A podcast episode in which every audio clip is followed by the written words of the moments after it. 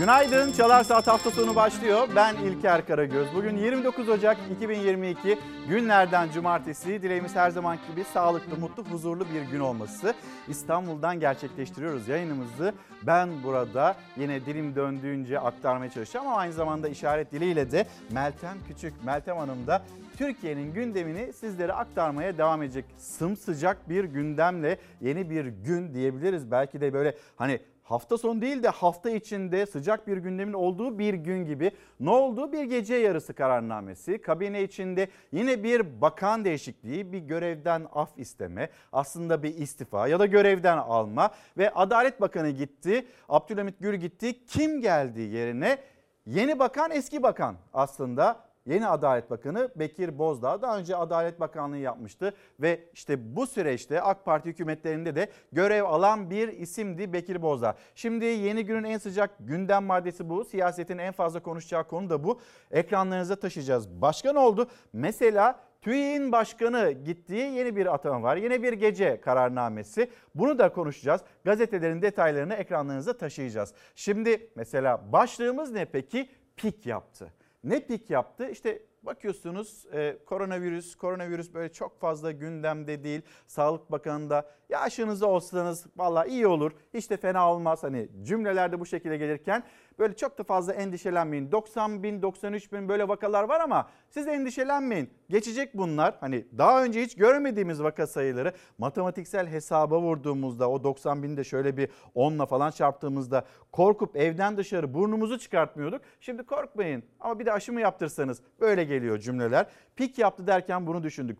Faturalar esnaf, vatandaş, elektrik faturası, doğalgaz faturası ya da akaryakıt almaya gittiğinizde yaşamış olduğunuz o akaryakıt istasyonunun böyle kapısından içeri girerken yaşamış olduğunuz o endişe bunu da lütfen bize pik yaptı başlığı altında konuşurken iletin. Siz ne hissediyorsunuz? Ben büyük bir heyecan, merak ve korkuyla acaba o elektrik faturası ne kadar gelecek diye bekleyenler denim ve belki de siz de aynı endişeyi yaşıyorsunuzdur.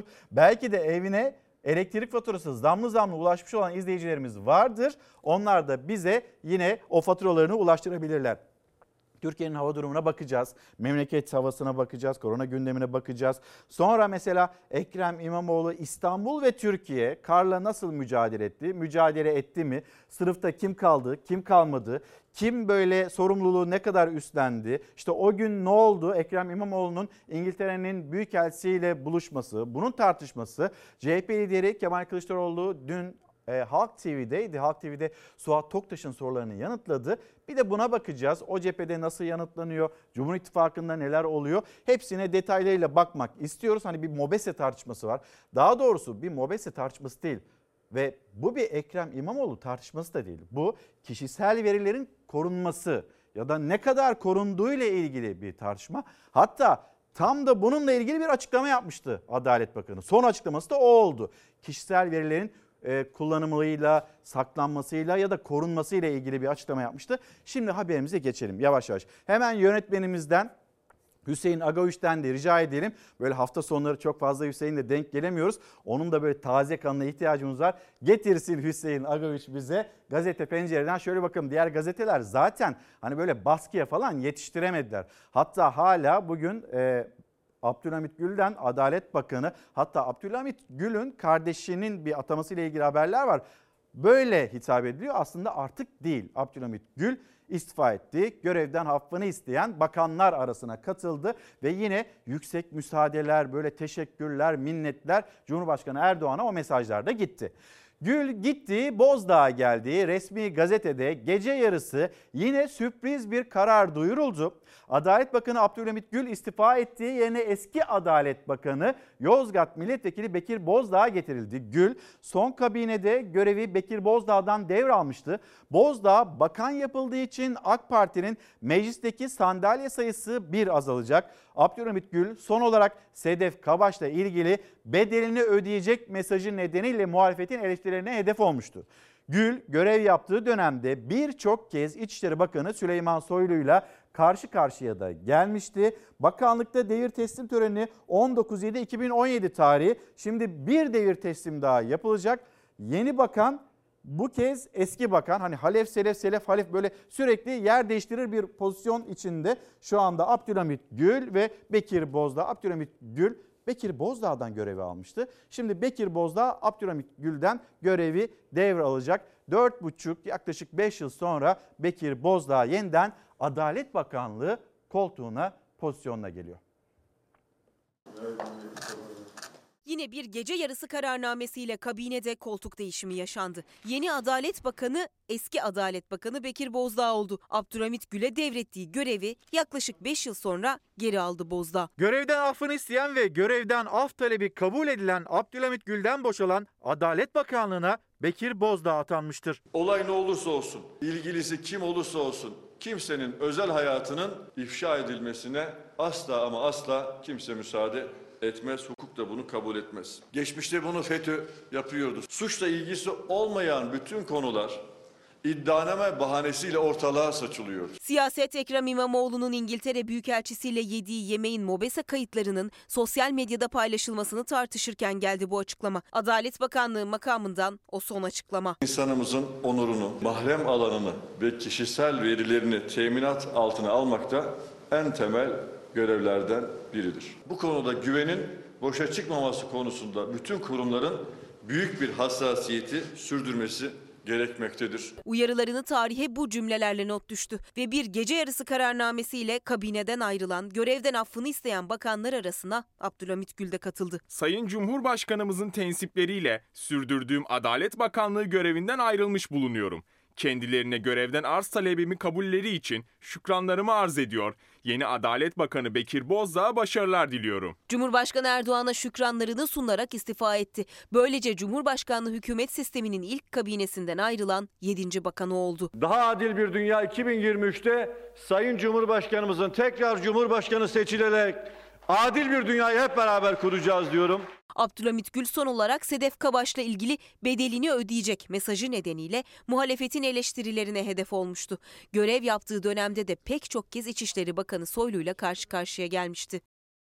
Hızır Bey günaydın. Şu anda ekran karşısında olan bizleri izleyen bizleri ve Türkiye'nin gündemini takip alan tüm izleyicilerimize günaydınlarımızı iletelim bizler de. Hızır Bey diyor, diyor ki önce 150 kWh üstü elektriğe 126 zam yaptılar. Şimdi kullanım miktarı 150 kWh saati geçsin diye sayaç okuma süresini 35 güne çıkartmışlar. Yok ya yapmazlar hani öyle bir şey yapmazlar. Zaten %126'lık zam yapmışlar. Bir de böyle bunun üzerine çıksın diye beklerler mi? Zannetmiyorum yapmazlar. Hani böyle fedakarlık yapan bir devlet, vatandaşına fedakarca yaklaşan bir devlet elektrik faturalarının daha fazla artmasını ister mi? Bence Hızır Bey yapmaz hani öyle bir şey olmuyordur diye düşünüyorum. Bu arada yine ilginç ilginç faturalar geliyor. Bu faturalar geldikçe bendeki endişe seviyesi de e, daha da bir yükseliyor. Bir aylık faturam yanlış anlaşılma olmasın pik yaptı evimde 3 artı 1 demiş. Elektrik faturası 719 lira gelmiş. Murat Bey, Murat Çok Eker tarafından gelen fatura da bu şekilde. Şimdi geri dönecek olursak e, Abdülhamit Gül gitti, Bekir Bozdağ geldi. E, Gül ve İçişleri Bakanı Süleyman Soylu kabine içindeki iki isimdi zaman zaman bu adalet konusunda yargıya, adalete, hukuka, e, hukukun üstünlüğüne yaklaşım konusunda ciddi anlamda farklı e, pozisyonlarda duran iki isimdi ve karşı karşıya gelen isimlerdi. Şimdi Abdülhamit Gül gitti. Yerine Bekir Bozdağ geldi. Bekir Bozdağ'ın geleceğiyle ilgili aslında böyle çok fazla da e, nasıl söyleyeyim sürpriz yoktu. Ankara kulislerinde konuşulan bir konuydu. Hatta dün eğer orta sayfa programını izlediyseniz e, deneyimli gazeteciler Fox Haber Genel Yayın Yönetmeni Doğan Şentürk sonra işte hafta sonları biz yan yana geliyoruz Deniz abi Deniz Zeyrek ve orada deneyimli gazeteciler aslında bir laf da çarptılar. Hani dün gece, dün gecenin resmi gazetesinde olabileceklere, bir kabinede revizyona, kabinede değişikliğe bir dikkat çekmeye çalıştılar. Hayret program bitti. Program bitti ve sonrasında da resmi gazete yayınlandı. Program içinde de yayınlanırdı çünkü sürekli tam da böyle 12, 12.01 o saatlerde yayınlanan resmi gazete nedense programın bitimine denk geldi. Polis bilgileri Ankara'dan gelen, bizim Ne arkadaşlarımızın Ankara'dan aldığı bir bilgi var. Şey Adalet olur. Bakanlığı'nı Gaziantep'ten alıp Yozgat'a mı verecekler falan gibi bir şey yani. Ee, Daha sen daha, daha açık nasıl olabilir ki yani Deniz? Ne- Sen ne- direkt söyledin. Sen bütün heyecanı Sen dan dan dan yaptın yani şu anda. Dan Evet. dan dan. Abdülhamit Gül'ün görevden affını istediği, yerine Bekir Bozdağ'ın getirildiği kabine değişikliği resmi gazetede yayınlanmadan dakikalar önce Fox ekranlarında orta sayfada dillendirildi. Neden ısrarla soruyorsun resmi gazeteyi? Bir şey mi Resmi bekliyorsun? gazeteyi ısrarla sormamın sebebi şey. Hani hiçbir şey olmasa bile bir şeyler oluyor gibi Bir şey olacak bir şeyler geldi. Yani kuşlar bir şey söyledi. Resmi gazete de bir şey olacak denilmiş. Öyle mi? Kulis bilgileri. Acaba daha önce Adalet Bakanlığı yapmış bir isimden mi E, bahsediyoruz? Yozgat'ta kaç tane olabilir? Bekir Bekir Bozdağ'dan mı Ankara'da gazetecilerin bugün yargı muhabirlerinin, meclis muhabirlerinin kendi aralarındaki muhabbetlerinde bu akşam Bakanlar Kurulu'nda değişiklik olabilir. O gidebilir, bu gelebilir. Bugün diye için bir- mi? Evet evet. Fox Haber Genel Yayın Yönetmeni Doğan Şentürk'ün moderatörlüğünde her hafta gündemin en can alıcı maddelerini masaya yatıran deneyimli gazeteciler Çiğdem Toker, Deniz Zeyrek, Nevşin Mengü ve Murat Yetkin. Dün geceki programda paylaştılar aldıkları bilgiyi. Kulis bilgisiydi. Program bittikten dakikalar sonra yayınlanan resmi gazeteyle kesinleşti. En azından bu akşam böyle bir açık şey açık olacak. şunu söyleyelim. Antep kim, Yozgat kim? Antep şu Abdülhamit anki Gül, Abdülhamit Adalet Bey. Bakanı. Yozgat'ta sevgili arkadaşlar e, Bekir Bozdağ. Bekir Bozdağ. Yani eski konuşulan- bakan. Sadece kabine değişikliği değil Türkiye'nin konuştuğu ne varsa yine orta sayfada masaya yatırıldı. Bu cumada orta sayfada buluşuldu. Bakmayın biz söylemiştik demeyi de aslında severiz yani. Ve akşam orta sayfada o programda söylenmişti. Bekir Bozdağ geleceği, Abdülhamit Gül'ün gideceği, yargı muhabirleri arasında Ankara'da konuşulan konulardan bir tanesiydi. Dün o programı izleyenler, dikkatle takip edenler aslında hiç de şaşırmadılar. Hüseyin sana zahmet hadi gel bir gazetelere bakmaya başlayalım. 29 Ocak 2022 yeni günün gazeteleri ve hangi manşetlerle okurların karşısına çıkmış gazeteler.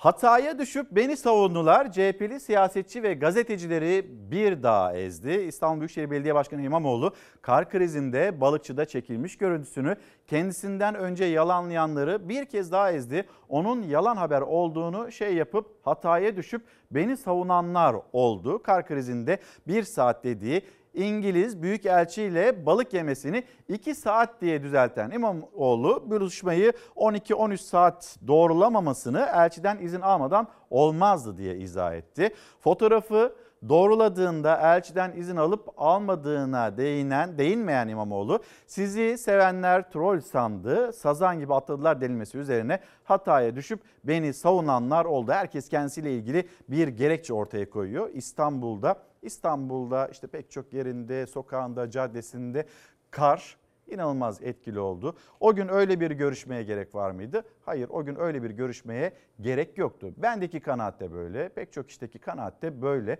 Ama yine de herkes kendi cephesinden bunu savunuyor. E benim yanımda işte ne bileyim işte genel sekreterim var, işte bu konuyla ilgili çalışanlar var ve benim de orada planlı bir randevum vardı deyip Ekrem İmamoğlu İngiltere'nin büyükelçisiyle buluştu. Ama bence İngiltere büyükelçisi tarafından da hani iptal edilse çok anlaşılabilir bir durumdu.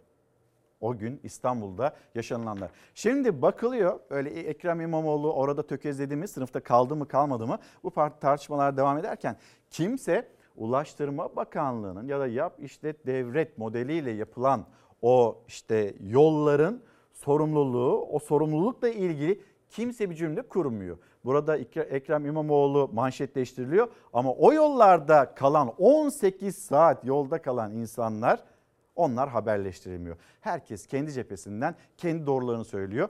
Önemli olan vatandaşın meseleye nasıl yaklaştı. Ve şu da isteniyor. Bir Hüseyin gazete böyle kalsın. Biz günlerce bunu konuşalım istiyorlar. Yani günlerce biz İstanbul'a kar yağdı. Büyükşehir Belediye Başkanı yeterli olmadı. Ama hani bizimle ilgili de sorumluluk kısmı dışarıda kalsın. Onu hiç konuşmayalım. Ekrem İmamoğlu, Ekrem İmamoğlu hani bu konuşulsun isteniyor. Bakalım şu gazeteye şöyle bir yukarıdan aşağı taradığımızda vatandaşın asıl ilgilendiği, vatandaşın en fazla konuşulmasını istediği mesela elektrik faturası, mesela doğalgaz faturası, mesela akaryakıt. Geçen sene bu zamanlarda 4 lira olan benzin şu anda 14 lira. Bununla ilgili haberler var mı? Yok biz günlerce konuşalım. İstanbul'a kar yağdı. İstanbul'da o kar kalkmadı. Kimse tuzlayamadı. Tuzlama çalışması yapılmadı. Kar kürüme araçları yoktu. Yetersiz kaldı. Biz bunu konuşalım isteniyor. Hayır öyle değil. Pik yapan başka konular, meseleler var. Vatandaşın bununla ilgilenmesi hani böyle talepleri var. Var mı bununla ilgili bir adım? Var mı bununla ilgili haberleştirme? Bakıyorsunuz göremiyorsunuz. İşte ipler iyice gerildi. Rusya Şubat'ta işgal edebilir. Savaşı başlatan taraf olmayız. Rusya'nın açıklaması Sincar'da SİHA vurdu. Terör örgütüyle ilgili bir operasyon. Gülhane duayla açıldı. Cumhurbaşkanı Erdoğan'ın yapmış olduğu bir açıklama ya da yapmış olduğu bir açılış. Takside katlettiği işte feci bir olay. Bakıyorsunuz bakıyorsunuz bakıyorsunuz işte Galatasaray Tuzla buz oldu. Tuzla'ya yenilmiş hazırlık maçında. Ama vatandaş geçinemiyorum diyor. Vatandaş ekmek kuyruğunda. E bununla ilgili bir haber olmayacak mı? Ya da olması gerekmez mi? Onu da konuşalım. Şimdi mesela tüketici güveni yüzü aştı. Bakalım mı hep beraber? Bir de hani öyle mi gerçekten? Ekonomik güven endeksi Ocak'ta bir önceki aya göre %2.7 oranında artarak eşik sayılan 100 puanı geçti ve 100.8 puana yükseldi. Yükseliş tüketici, reel kesim, işte imalat sanayi, hizmet ve perakende ticaret sektörü güven endekslerindeki artışlardan geldi. O kadar çok güveniyoruz ki, o kadar da böyle güzel gidiyor ki ekonomi. Herkes kendi istediği veriyi paylaşıyor. Her şey yolunda gidiyor gibi bir anlayış, bir yaklaşım sergileniyor. Bir çıkın bakalım sokağa vatandaşa sorun. Ya da işte bu araştırmayı da TÜİK yaptıysa TÜİK gitsin bir vatandaşın alışveriş yaptı. Hem de en uygun alışveriş yaptığı o marketler. Oraya gitsin de vatandaşın neyin ne kadara tükettiğini bir görebilmiş olsun. Akşam gazetesini geçelim. İşte manşet Ekrem İmamoğlu. Milli Gazete. Manşete bakın. Akşam gazetesinde görmediğiniz manşet işte kira 5000, elektrik 7000. Hüseyin şimdi bunun detayını birazdan okuyayım. Hemen bir dışarıyı gösterelim. Zam konusuna hızlıca geçmeyelim sonra biliyorum siz kızıyorsunuz da ya İlker zam zam zam zam başladın yine hafta sonu diye. Şimdi o konuya geçmeden önce bakalım İstanbul'a Evet kapalı bir hava İstanbul'da ve zaman zaman yağış geçişlerinin olduğu olacağı bir gün. İstanbul için hava durumu böyle olacak ve hemen hızlıca memleket havası diyelim. Bir sakinleşelim sonra gelelim zamlar mevzuna.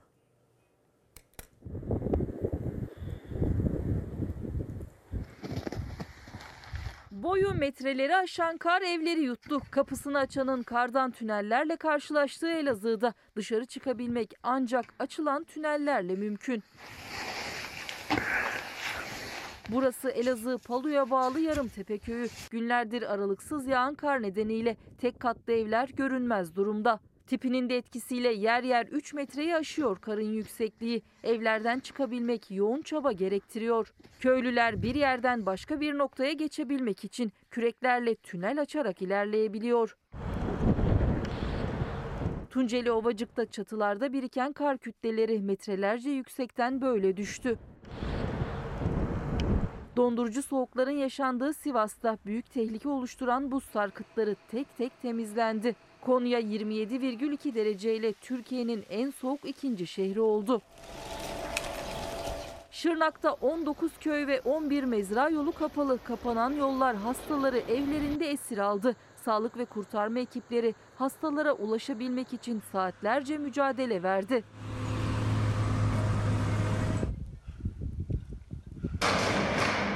Çorum'da ekiplerin elektrik arızası için gittiği trafoda patlama meydana geldi. Karla kaplı yolda ilerlemekte zorlanan ekip patlamadan saniyelerle kurtuldu. Yurdun batısında sıcaklık 2 ila 4 derece artacak. Yağış yağmur şeklinde düşecek batıdaki illere. İç Anadolu ve Doğu Anadolu'nun kuzeyinde dondurucu soğuklar hakim. Karadeniz'de hava bugün için güneşli ancak yarın bölgeye hakim olacak bulutlar haftanın ilk gününde yağmur bırakacak. Haftanın ilk günü kar yağışının düştüğü il sayısı artıyor ancak kar sonraki günlerde azalacak. Birçok ilde yerini yağmura bırakacak. Şenay Turhan günaydın Adana'ya selamlar. Yüksel Özgür'e de yine günaydınlarımızı iletelim. Sevin Atak diyor ki uzmanlar uyarmıştı daha da artacak demişti ama dinleyen yok. Ve çoğu insan artık maske falan da takmıyor. Hala işte konuştuğumuz gündemler, suni gündemler demekte. Mesut Şahan selamlarımızı iletelim. Bence Türkiye Covid-19'dan değil fatura 19'dan çok daha fazla hasta oluyor. Öldürmüyor ama bayağı da bir süründürüyor. Yatalak hasta gibi bir pozisyona düşürüyor insanı demiş Mesut Şahan. Ee, Yakup Kodalak O arkadaş doğru söylüyor. Bu ay elektrik saati okunmadı. Kış şartlarından mı başka bir şeyden mi emin değiliz demiş. İnşallah öyle değildir. Yakup Bey de güzel bir haber vermedi. Yani acaba ne kadar gelecek? Bende böyle bir endişe var. Sizde var mı yok mu? İşte biz burada arkadaşlarla konuşuyoruz rejide.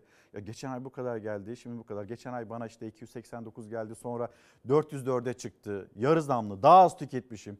E şimdi acaba ne kadar gelecek? Tam zamlı. Herkes bunun merakı ve endişesi içinde. Gelelim kira 5000, elektrik 7000 pek çok gazetede görmediğiniz ama vatandaşın ya siz buraya bir bakar mısınız yöneticilere seslendiği konuydu aslında. Yılbaşı itibariyle yürürlüğe giren ve ardı arkası kesilmeyen zamlar vatandaşın adeta kabusu oldu. Elektriğe yapılan faiz zamların ardından faturalarda oynanan oyunsa bu kadar da olmaz dedirtti. Konutlar bir yana Ticarethane elektrikleri dudak uçuklattı. Esnaf aylık 5 bin lira dükkan kirası, 7 bin lira elektrik faturası ödedi. 6830 liralık faturanın 1273 liralık kısmı sadece KDV yani fedakarlık yapıldı yapıldı bu kadar yapıldı. Demek ki bir de fedakarlık yapılmasa o elektrik faturaları acaba ne kadar gelecekti? Görüyorsunuz 6830 liralık bir fatura. Kira öder gibi fatura ödeniyor. Biraz detaylandıralım. Hani kimse konuşmuyor. Biz bari konuşuyor olalım. Siz de sesinizin bu gündemle ilgili duyulmasını istiyorsanız lütfen hem faturalarınızı gönderin hem de mesajlarınızı ulaştırın bize pik yaptı başlığı altında. Meskenlerin yanı sıra bir diğer darbe ise esnafa vuruldu. Esnaf için kademeli tarife bile yok. Ticarethaneler için 1 lira 25 kuruş olan kilowatt saat başı ücret yılbaşı itibariyle 2 lira 73 kuruş olarak belirlendi.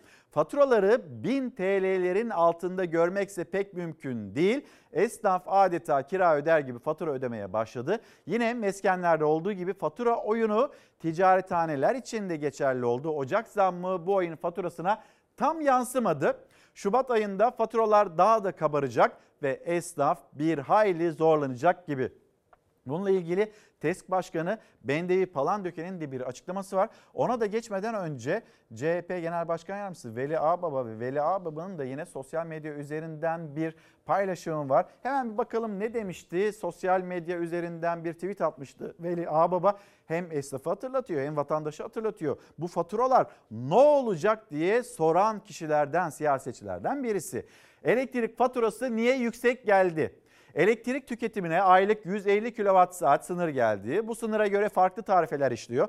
Aylık 150 kW, günlük 5 kW demek. Sadece ışığı açsanız dahi bir günde 5 kW'a ulaşırsınız. AKP televizyon, ütü ve buzdolabını tedavülden çıkardığı anlaşılan kademeli elektrik faturası nedir? Biraz daha izah etmeye çalışmış. 150 kWh saate kadar 1 lira 37 kuruş da çarpılıyor fatura. Sonrasında açtığınızda da 2 lira 6 kuruşla çarpılıyor. Veli Ağbaba'nın paylaşımı böyleydi. Elektrik faturaları acaba niye bu kadar yüksek geliyor? Gelmesin bu kadar yüksek diyen kişi de TESK Başkanı Bendevi Palandöken. Elektrik doğal gaz faturalarındaki yüksekliğin giderilmesi esnafı rahatlatacak. Bildiğiniz üzere konut tarifesi, e, ticarethaneler ve sanayi üç dilimde ama en yüksek e, bedeli ödeyen ticarethane olarak geçtiği için yani esnaf ve zanaatkar, küçük işletmeler. Dolayısıyla buradaki elektrik tarifelerindeki gerçekten ötev ve KDV kaldırılırsa belki esnaf biraz rahatlayacak. Bir de bildiğiniz üzere 150 kW dediğiniz ancak konutlarda bile e, yeterli olmayan yani çamaşır makinesi, e, bulaşık makinesi vesaire ütü gibi çok olan veya evlerdeki hacim olarak kullanılan elektrik tüketimi bir de bunu aşabilecek ölçekte. Bir de düşünün e, iş yerinin tabelaları, caddeyi, sokağı aydınlatan e, ışığı çalıştırmak zorunda. Biz bu elektrik faturasının altından kalkamayız. Bu elektrik faturalarıyla zaten alım gücü düştü ve zaten hani böyle alan eden yok, alışverişe giden yok. Esnaf bu elektrik faturalarıyla dükkanını kapatır diyor Bendevi Palandöken. Şimdi hemen bir gelelim. Aslında biz bir virüsle mücadele ediyoruz. Çok fazla hissedemiyorsunuz. Sağlık Bakanı'nın açıklamalarına baktığınızda bir virüs var mı yok mu? Hatta o açıklamalara bakınca biz hala maskeyi niye takıyoruz acaba? Böyle bir sanrı içinde de olabilirsiniz. Hayır bu öldürücü bir virüs ve hayatımızda her ne kadar böyle rekor kırmış olan günde korkmayın endişelenmeyin denilse de işte o günde 210 vatandaşımızı biz koronavirüs nedeniyle kaybettik. Gelelim günlük vakalar bir ayda 3 kattan fazla arttı. Türkiye'de omikron varyantının baskın hale gelmesinin ardından yükselişe geçen günlük vakalar son bir ayda 3 kattan fazla arttı. Sağlık Bakanlığı verilerinden derlenen bilgilere göre 27 Aralık'ta 26.099 olan vaka sayısı 31 Aralık'ta 40.786'ya yükseldi. Günlük vaka sayısının 1 Ocak'ta 36.731 olarak kaydedilmesinin ardından 5 Ocak'ta 66 bin gün gün gün gün arttı ve Türkiye'de salgının başından bu yana ilk kez dün günlük vaka sayısı 90 binin üzerine çıktı. Türkiye'de korona nedeniyle 210 kişi daha vefat etti. 93.586 kişiye virüs bulaştı. Haftalık e, durumdan da ölüm verilerinden de haber yok. Bir başka başlık ölüm verileriyle ilgili belirsizlik ise sürüyor. Haziran'da yayınlanması gereken ölüm istatistikleri verileri 7 aydır açıklanmıyor. Ocak ayında 10 sağlık çalışanı da yine yaşamını yitirdi bu virüs nedeniyle. Bir de bakalım mı o zaman Hüseyin'i hemen bir bakalım. Sağlık Bakanı Fahrettin Koca onun yapmış olduğu uyarı nedir? Ne söyledi Fahrettin Koca? Virüs eski gücünde değil çok şükür artan sayılar sebebiyle endişelenmeye mahal yok. Büyüklerimizi ve kronik hastalıkları olanları koruyup kişisel tedbirlere uyarak normal hayatımıza devam edeceğiz. Hiçbir şey yok. Aşılarımızı ihmal etmeyelim. Kendi gücümüz Türk Havak var. Hani onu da yaptırabilirsiniz. Korkmayın. Endişelenmeyin. Hallediyoruz.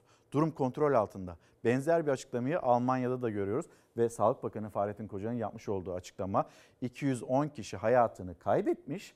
Virüs eski gücünde değil cümlesi kuruluyor.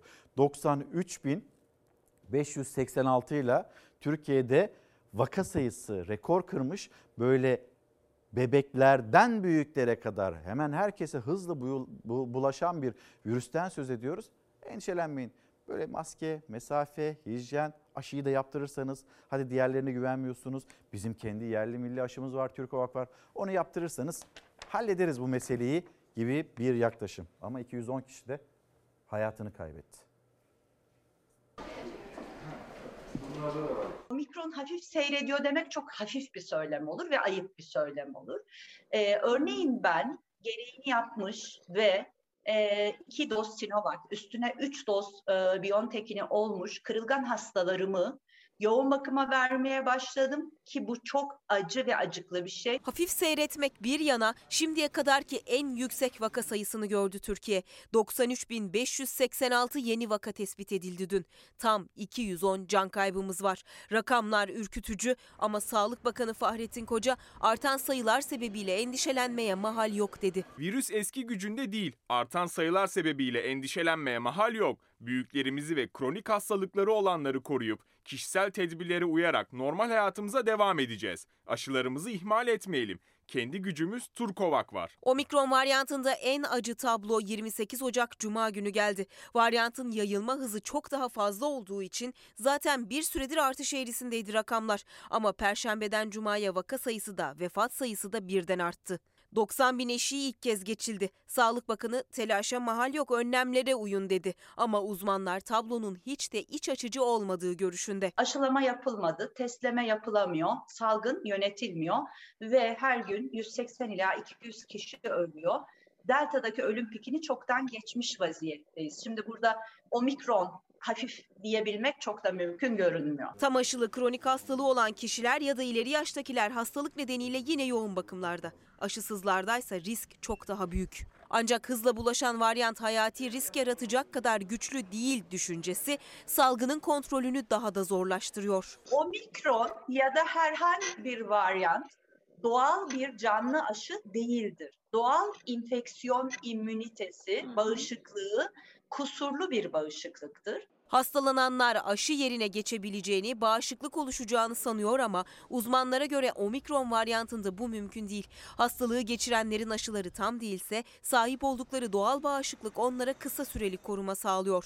Enfeksiyon hastalıkları uzmanı Esin Davutoğlu Şenol'a göre Delta'da, omikronda salgının sonunu getirecek varyantlar değil. Aksine yarı yıl tatilinin de etkisiyle vaka sayılarının daha da artacağı tahmin ediliyor. Delta ile omikronun evliliğinden başka çocuklar doğabilir bu coğrafyalarda. Bir de böyle bir risk var. Biz önümüzdeki piki görmedik daha. Daha pik göreceğiz yani. Çok yükselecek vaka sayılarımız. Fransa gibi filan olacak. 300-400 binleri bulacak. Ne kadarı yansıtılır onu bilmiyorum ama böyle olacak. Şimdi bir mesaj gelmiş. E, hesapta böyle çarşı pazar diye bir hesap.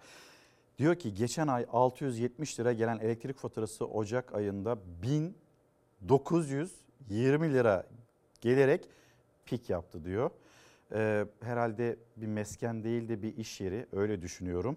Ya da kendimi öyle mi rahatlatıyorum bilemiyorum yani ama inanılmaz bir fark var. 1920 lira olmuş elektrik ve doğalgaz zamları pik yaptı demiş bir başka izleyicimiz ve Hatice Hanım da faturaları hesaplamaktan, düşünmekten koronaya sıra gelmiyor ki diyor. Doğru çok haklısınız ama bir yandan da hani faturalar faturalar hani ödeniyor bir şekilde ama sağlık sağlık çok önemli çok kıymetli.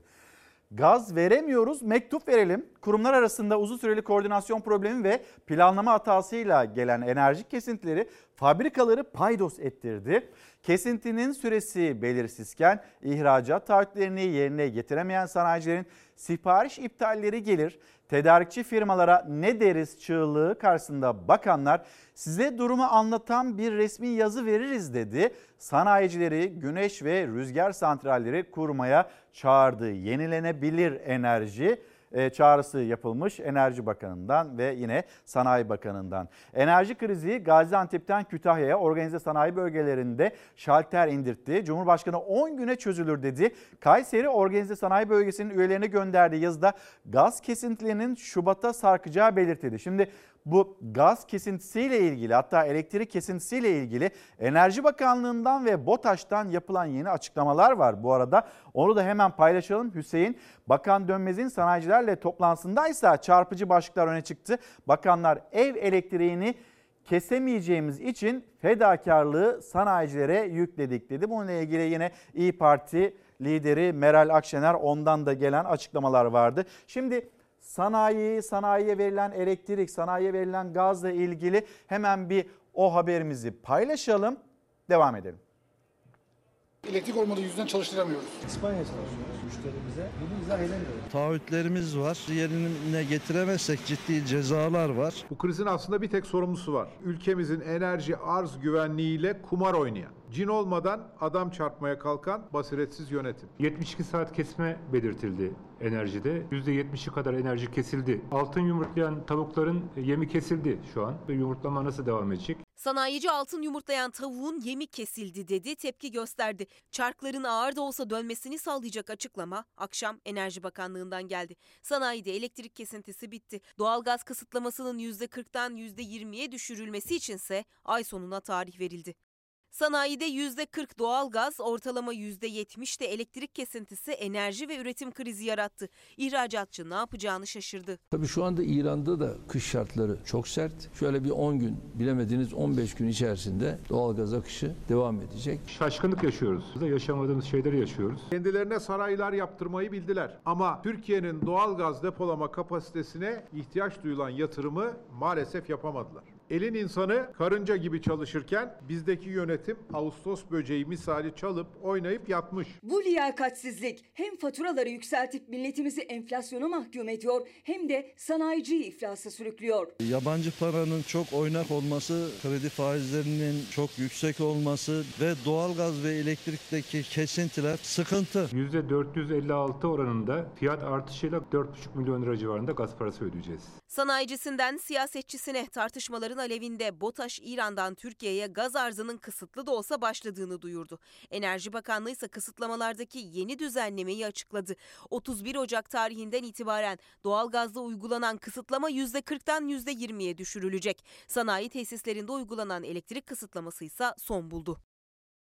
Şevket Bey günaydın. Şevket Balıktay Twitter'dan yazmış göndermiş. Geçen ay 789 lira gelen fatura bu ay 2160 lira geldi. Ev bu hani iş yeri falan değil demiş. Şimdi Mustafa Bey, Mustafa Karakaya da süresi belirsiz. Ee, bana da elektrik faturası 380 lira gelmiş. Ben Erzurum'da yaşıyorum. 750 lira doğalgaz gelmiş. Bunları da lütfen dile getirin ve dile getirdiğiniz için de teşekkür ederim demiş Mustafa Karakaya. Sağ olun. Dilek Yıldırım, esnafım bu ay faturam 780 lira geldi. Dükkana 6 gündür tek müşteri gelmedi. Tüketici güven endeksi %0. Bu faturalar nasıl ödenecek pik yaptı mesajını bizimle paylaşıyor. Hüseyin Bey de köyde elektrik faturası 2 ayda bir geliyor. Resmen aşımı yapmamız için uğraşıyorlar benim hissiyatım böyle demiş Hüseyin Bey. Şimdi Cumhuriyet Gazetesi milyonların kişisel Bilgileri internet üzerinden ortalığa saçıldı. Ülkenin gizlisi saklısı kalmadı. 28 Ocak veri koruma gününde bir internet sitesi üzerinden yurttaşların kişisel bilgilerine ulaşılabildiği ortaya çıktı. Ad, soyad aratılarak oturulan il, ilçe, posta kodu, sokak ve kapı numarasına kadar kişisel bilgiler bulunabiliyor. Açık Türkiye'nin de aralarında bulunduğu 10 ülkeyi kapsıyor. Sitede Cumhurbaşkanı Erdoğan, parti liderleri, bakanlar, milletvekilleri ve eski siyasilerin adreslerine de ulaşılabiliyor. Bu adreslerin internete nasıl düştüğü açıklığa kavuşamadı. 2016'da Türkiye'de 2009 yerel seçimlerinde oy kullanma hakkı olan yurttaşların bilgilerinin sızdığı öne sürülmüştü. Ülkenin gizlisi saklısı kalmadı manşeti Cumhuriyet Gazetesi'nin. Cumhuriyet Gazetesi'nde seçtiğimiz iki haber daha var. Onları da verelim Hüseyin. Sonrasında da böyle İstanbul, İstanbul'la ilgili tartışmalara bakalım. Ulaştırma Bakanı Kara İsmailoğlu havalimanının neden yok edildiğini açıkladı. Atatürk'ten para için vazgeçmişler manşet. Kar yağışı nedeniyle otoyollara ulaşıma kapalı olduğu için İstanbul'a hava yoluyla gelen ve uçağa bakın yeni havalimanına değil Atatürk Havalimanı'na inen Bakan Adil Kara İsmailoğlu'ndan itiraf geldi. Kara İsmailoğlu Atatürk Havalimanı'ndan uçuş garantisi verilen İstanbul Havalimanı için vazgeçtiklerini söyledi. Yani uçuş garantisi verdik biz o havalimanına. E şimdi giderler Atatürk Havalimanı kullanılır. E uçuş garantisi de verdik. Oradaki uçuş garantisi tam olarak karşılanmaz. E o zaman da zarar ederiz. Bakın bir fedakarlık da belki de hani öyle de adlandırılabilirdi. O yüzden vazgeçildiğini söylemiş ve Cumhuriyet Gazetesi de bunun bir itiraf olduğunu paylaşıyor. Yani şöyle bir durumla karşı karşıya kalmak istememişler. Hani böyle e, Ege'de var ya Kütahya Havalimanı bir sapma oldu orada. Şöyle %3'lük %5'lik falan da değil. Bakıyorsunuz sapma oranına yüzde 99.9 gibi böyle hani o kadar da e, abartmayayım ama hani o seviyelerde Zafer Havalimanı'ndaki sapma oranı bu raddeye kadar ulaştı. Bu yaşanmasın diye hani Atatürk Havalimanı'ndan vazgeçildiğini aslında bir anlamda anlatmış Ulaştırma Bakanı. Şimdi hemen bir bakalım İstanbul, İstanbul'da yaşanılan kar polemiği, İstanbul'da kar polemiği kim sorumluluğu üstlendi, hangi yol kimin sorumluluğundaydı? Vatandaş buraya bakmaz. Vatandaş 18 saat yolda kaldı mı, kalmadı mı, evine gitti mi, gidemedi mi? Ya da havalimanında insanlar orada mahsur kaldı mı, kalmadı mı? Kartonların üzerinde yattı mı, yatmadı mı? Vatandaş buna bakar. Sonra sonraki kurulan cümlelerin hepsi lafı güzaf. Başka bir şey değil. Siz kalkar da İstanbul'u tanımayan, bilmeyen insanları belediyeye boca ederseniz ondan sonra da işte böyle sıkışır kalırsınız. İstanbul Büyükşehir Belediye Başkanı devletin rakibi olarak görüyorsunuz. Akıl tutulmasıdır bu. Bir kişiyi hedef alıp o kişiyi karalayarak kendi kusurlarınızı örtmek istiyorsanız yanılırsınız. İstanbul'u kaybetmeyi bir türlü içine sindiremiyor beyefendi. Beyefendi sindireceksin, sindireceksin sen. Tem Otoyolu, Kuzey Marmara Otoyolu bunlar e, Karayolları Sizin Genel. Müdürlüğü'nün sorumluluğunda. Tem Otoyolu kapalıydı. Tem tabii ki kapandı. Ben biz ona şey, e, inkar etmiyoruz. Bu- ya- Ama bu kadar kar tipi, bu kadar yoğun bir tabii ki bir olumsuzluklar yaşanacaktı. E, Bunlar sorumluluğunuzdaysa e, yani bir buçuk gün orada insanları e, hareket ettiremediniz mi diyoruz biz demiyoruz. Karın vurduğu İstanbul'da beyaz örtü kalktı ama fırtınası siyasette sürüyor. İstanbul'un derdiyle dertlenmek lazım ki bu işleri biraz çözüm bulasınız. İstanbul Büyükşehir'i tartıştık değil mi? Peki güzel. Bir de kamera görüntülerini. Yeni yaptıkları havaalanının termi, e, kargo terminali şey çatısı çöktü. Evet. Tartışan oldu mu? Orada binlerce insan, binlerce turist slogan attı. Tartışıldı mı? Hayır. Neredeydi bu ülkeyi yöneten insan? Ya siz Türkiye Cumhuriyeti devletini rezil etmeye sizin hakkınız var mı ya? O insanlara karton dağıttınız. Asıl tartışılması gereken nokta bu değil mi Allah aşkına ya? Peki onlar olurken şimdi biz şöyle mi diyeceğiz? Ya bu devletin valisi neredeydi? Ulaştırma Bakanı İstanbul Büyükşehir Belediyesi'ni sınıfta kalmakla suçladı. Koordinasyonsuzluk ve başarısızlık eleştirileri yöneltti. Devletin sorumluluk alanında yaşananları ise sıkıntı ifadesiyle geçti. CHP lideri de çözüme ortak olmadılar diyerek ses yükseltti. İstanbul'u kaybetmeyi hazmedemediler dedi. Sorunlar yaşanır. Ben yaşanmaz diye demiyorum. Elbette sorunlar yaşanır. Bir sorun yaşanıyorsa devleti yönetenler sorunun çözümüne katkıda bulunurlar. Sorunun büyümesine değil. Sorun büyüsün, sorunun altında kalsın.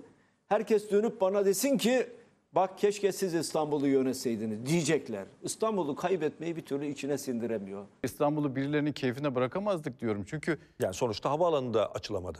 tabii ki açıl Kuzey Marmara Otoyolu Tabii ki açılamadı. açılamadı. Tem de Ben, açılamadı. ben onu inkar etmiyorum ki. Bunlar olacaktır. Ama bunları dert etmek lazım. Daha Planlama eksikliği Planlama eksikliği var. Hiç de önemli olan bir yapı değildir. Zaten yıkılacak olan bir yapıydı. Tem otoyolu, 3. köprünün yolu ve basın ekspres yolu en uzun sürede açılan hatlar. Ama bakın diyorum ki biz oralarla da ilgilendik. İş yapmak istiyorsanız kimse sizin önünüzü kesemez. Oynamaya niyetin yok, yerim dar diyorsun. Gümbür gümbür yapıyoruz. Mazeret üretmiyoruz ama engelleniyoruz. Sınıfta kim kaldı, kim kalmadı soru çok. Yanıtsa her cephede farklı.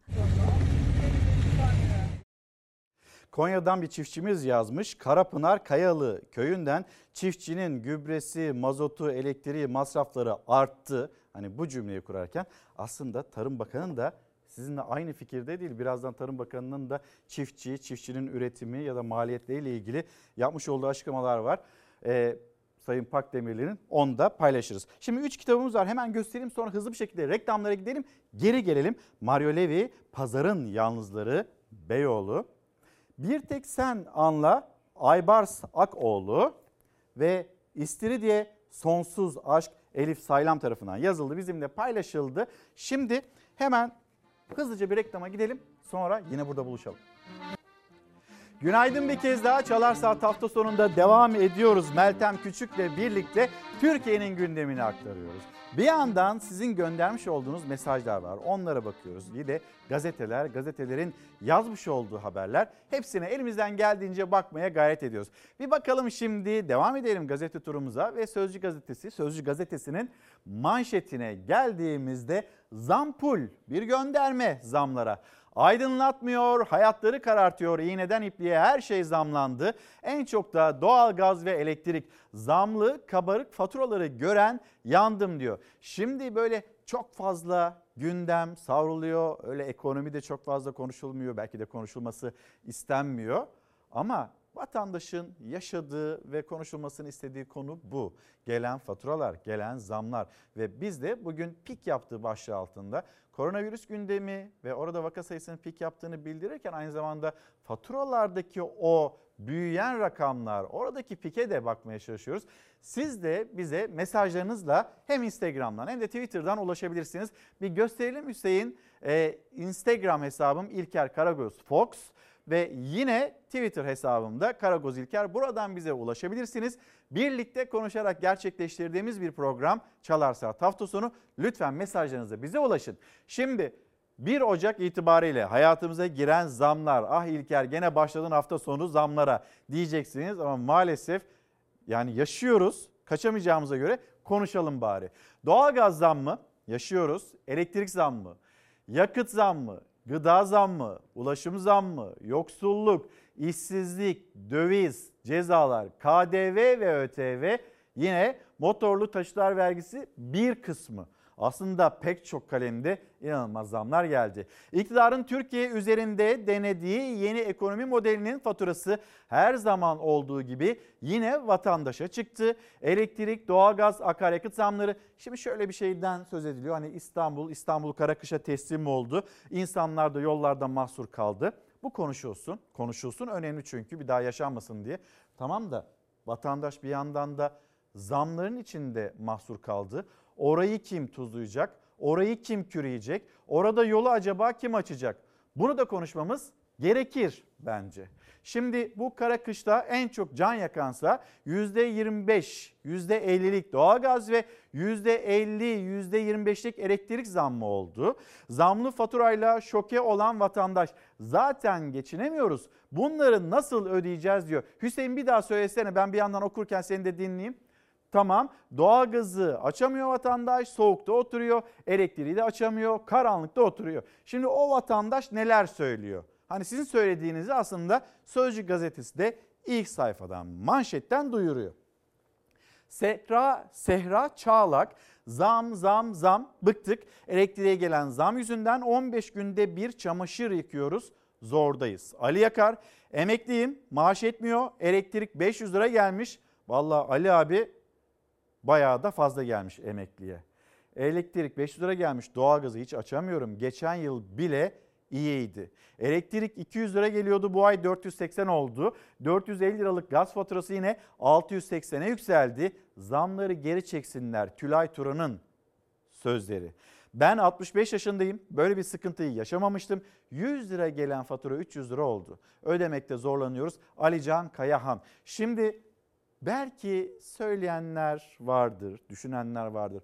Amma da abartılıyor. Öyle bir durumla karşı karşıya değilim bu zamlar o kadar da gelmedi diyen izleyicilerimiz varsa lütfen yazsınlar. Ya da evet tam da böyle bunu yaşıyoruz diyen izleyicilerimiz varsa sosyal medya hesaplarımız işte orada ekranda bize ulaşabilirsiniz. O kadar kıstığım halde doğalgaz 360 lira geldi. Şubat ayında 600 olur akşamları tek lamba açıyoruz. Geçim zor.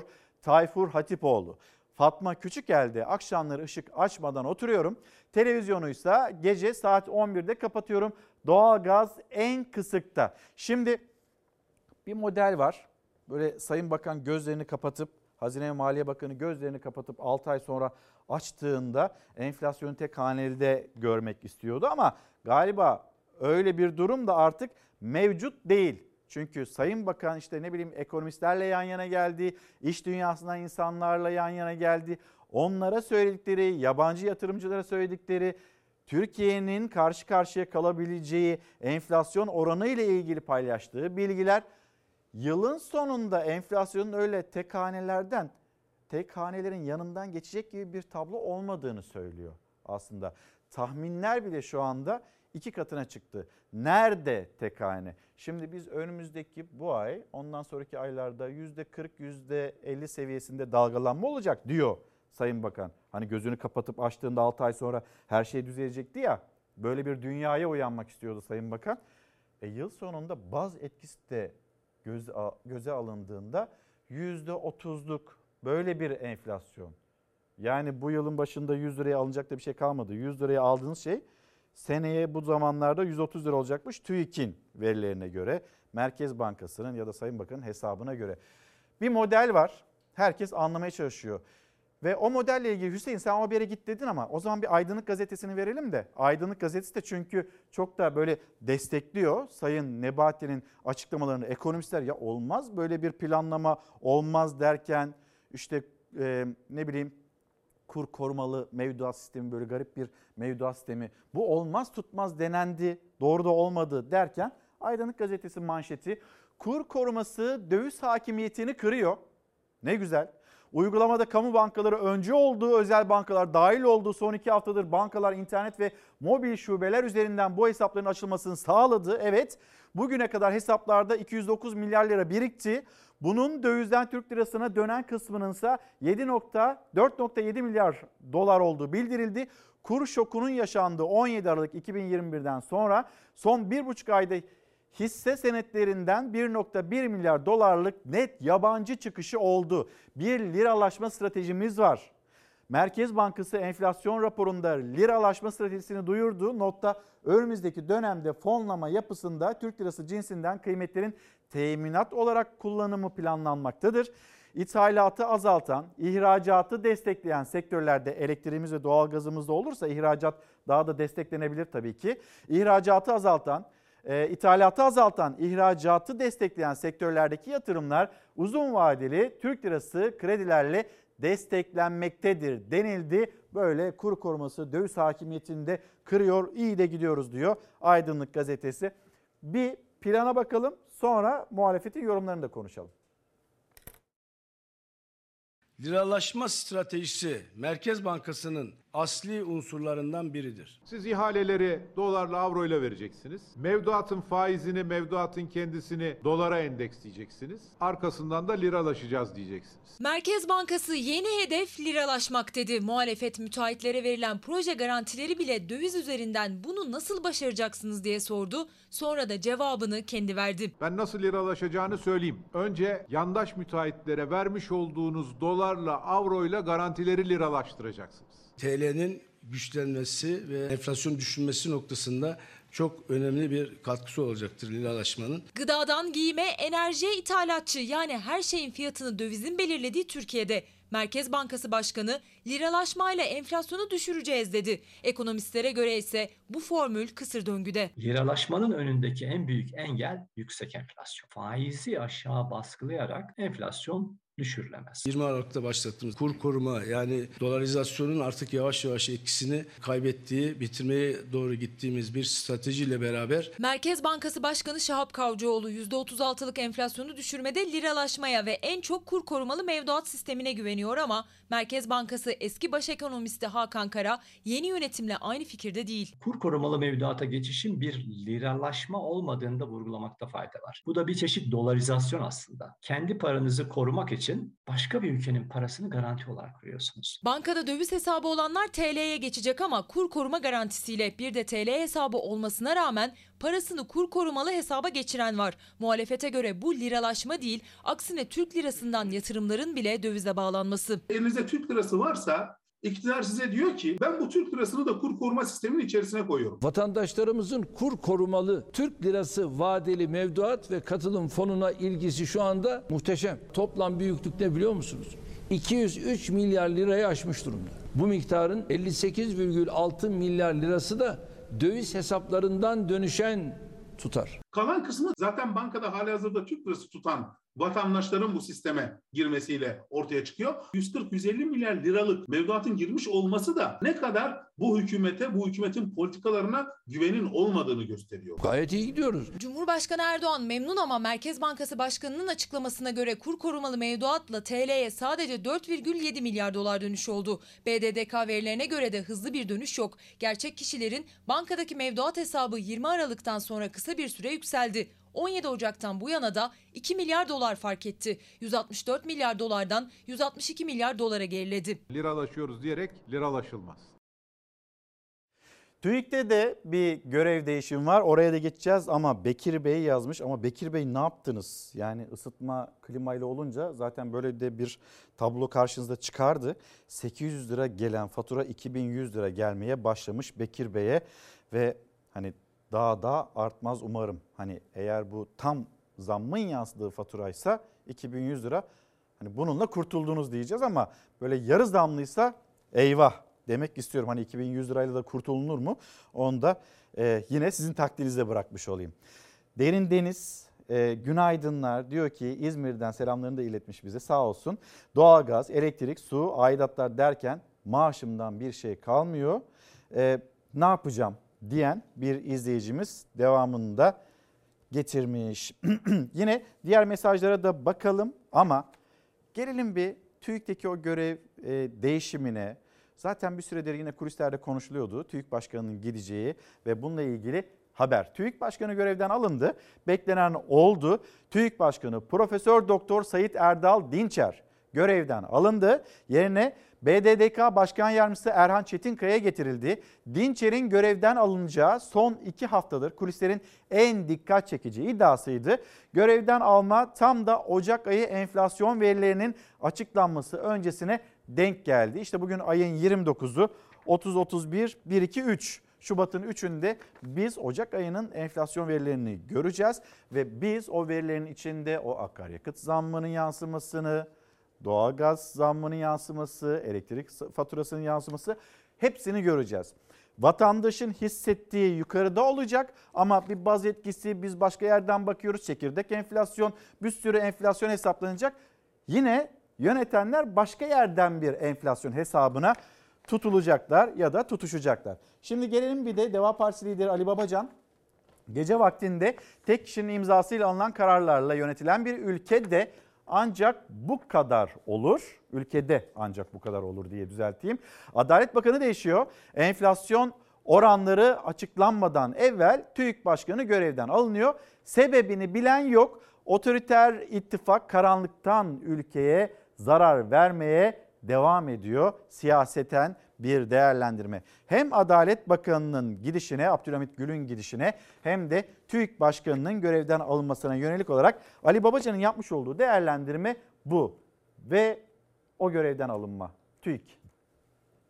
Bu tablo aslında Türkiye'nin nereye geldiğini göstermek için çok önemli bir tablodur. TÜİK Başkanlık koltuğu gece yarısı kararnamesiyle değişti. Başkan Profesör Doktor Erdal Dinçer görevden alındı. Yerine BDDK Başkan Yardımcısı Erhan Çetinkaya atandı. Devletin bilgileri, bu bilgilerin nasıl toplandığına ilişkin açıklamalar ana muhalefet partisine yapılmak istenmiyor. Kapılar kapanıyor. CHP Genel Başkanı Kılıçdaroğlu'nun kapının önünde son bulan ziyareti, tartışılan veriler. Eski Başkan Profesör Doktor Erdal Dinçer fırtınalı bir görev dönemi geçirdi. Siyasetin de vatandaşın da sık sık gündemine oturdu TÜİK verileri. Saraydan alınan talimat üzerine enflasyon rakamları açıklanıyor. Biz artık TÜİK'e rakamları ayarlama enstitüsü diyoruz. Enflasyon hesabında ben 84 milyona karşı sorumluyum. Bir yanlışa imza atarsam 84 milyonun hakkını yemiş olurum. Dinçer son olarak yaptığı sorumluluk açıklamasıyla gündeme gelmişti. Biliyorsunuz milyonlarca çalışan bizim açıkladığımız enflasyona göre zam alıyor. Şimdi o insanların adeta geliriyle oynamak, hakkını yemek.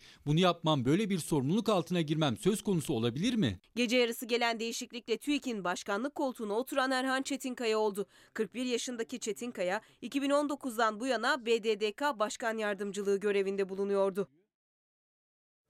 Aslında Ali Babacan hani TÜİK Başkanı'nın neden görevden alındığına dair belki içeriden bilgilere de sahiptir. Bir yandan da TÜİK'e nasıl hitap ettiğini önceki basın toplantılarında duymuştuk. Rakamları Ayarlama Enstitüsü, Rakamları Ayarlama Kurumu diye ve sosyal medya üzerinden yapmış olduğu değerlendirmede az önce ben kendisini düzelttim. Bir daha kendimi bu sefer de kendimi düzeltme ihtiyacı duyuyorum.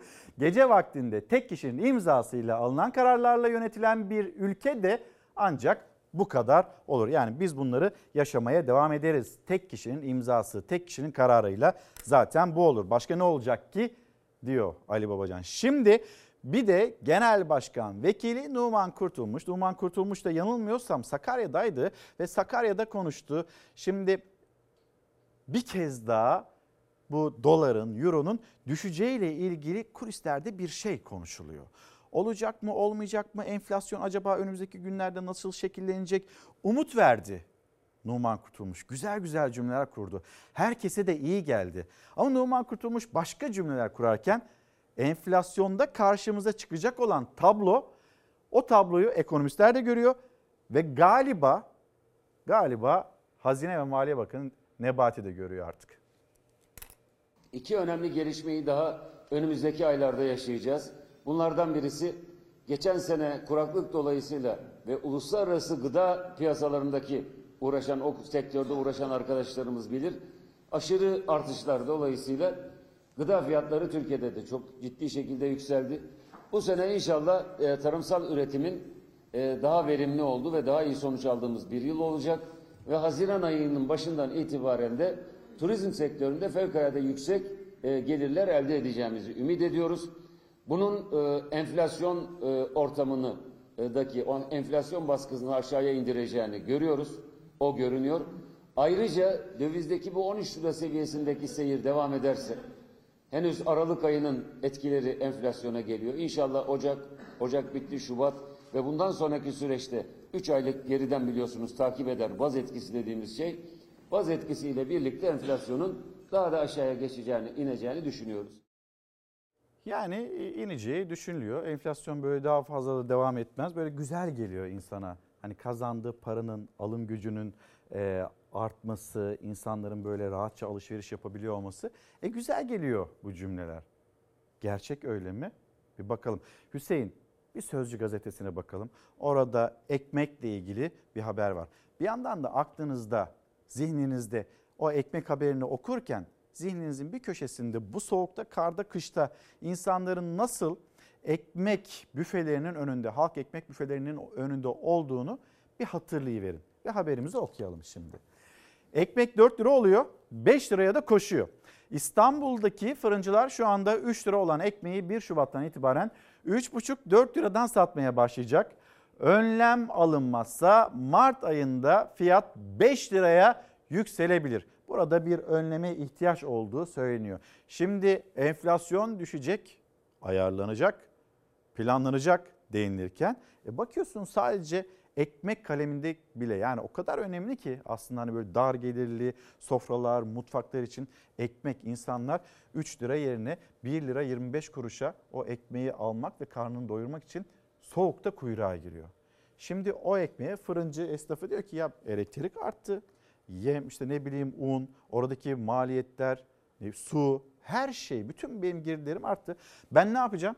Zam yapmayacağım da ne yapacağım? Dönüyorsun fırıncıya hak veriyorsun. E vatandaş diyor ki ya ben geçinemiyorum.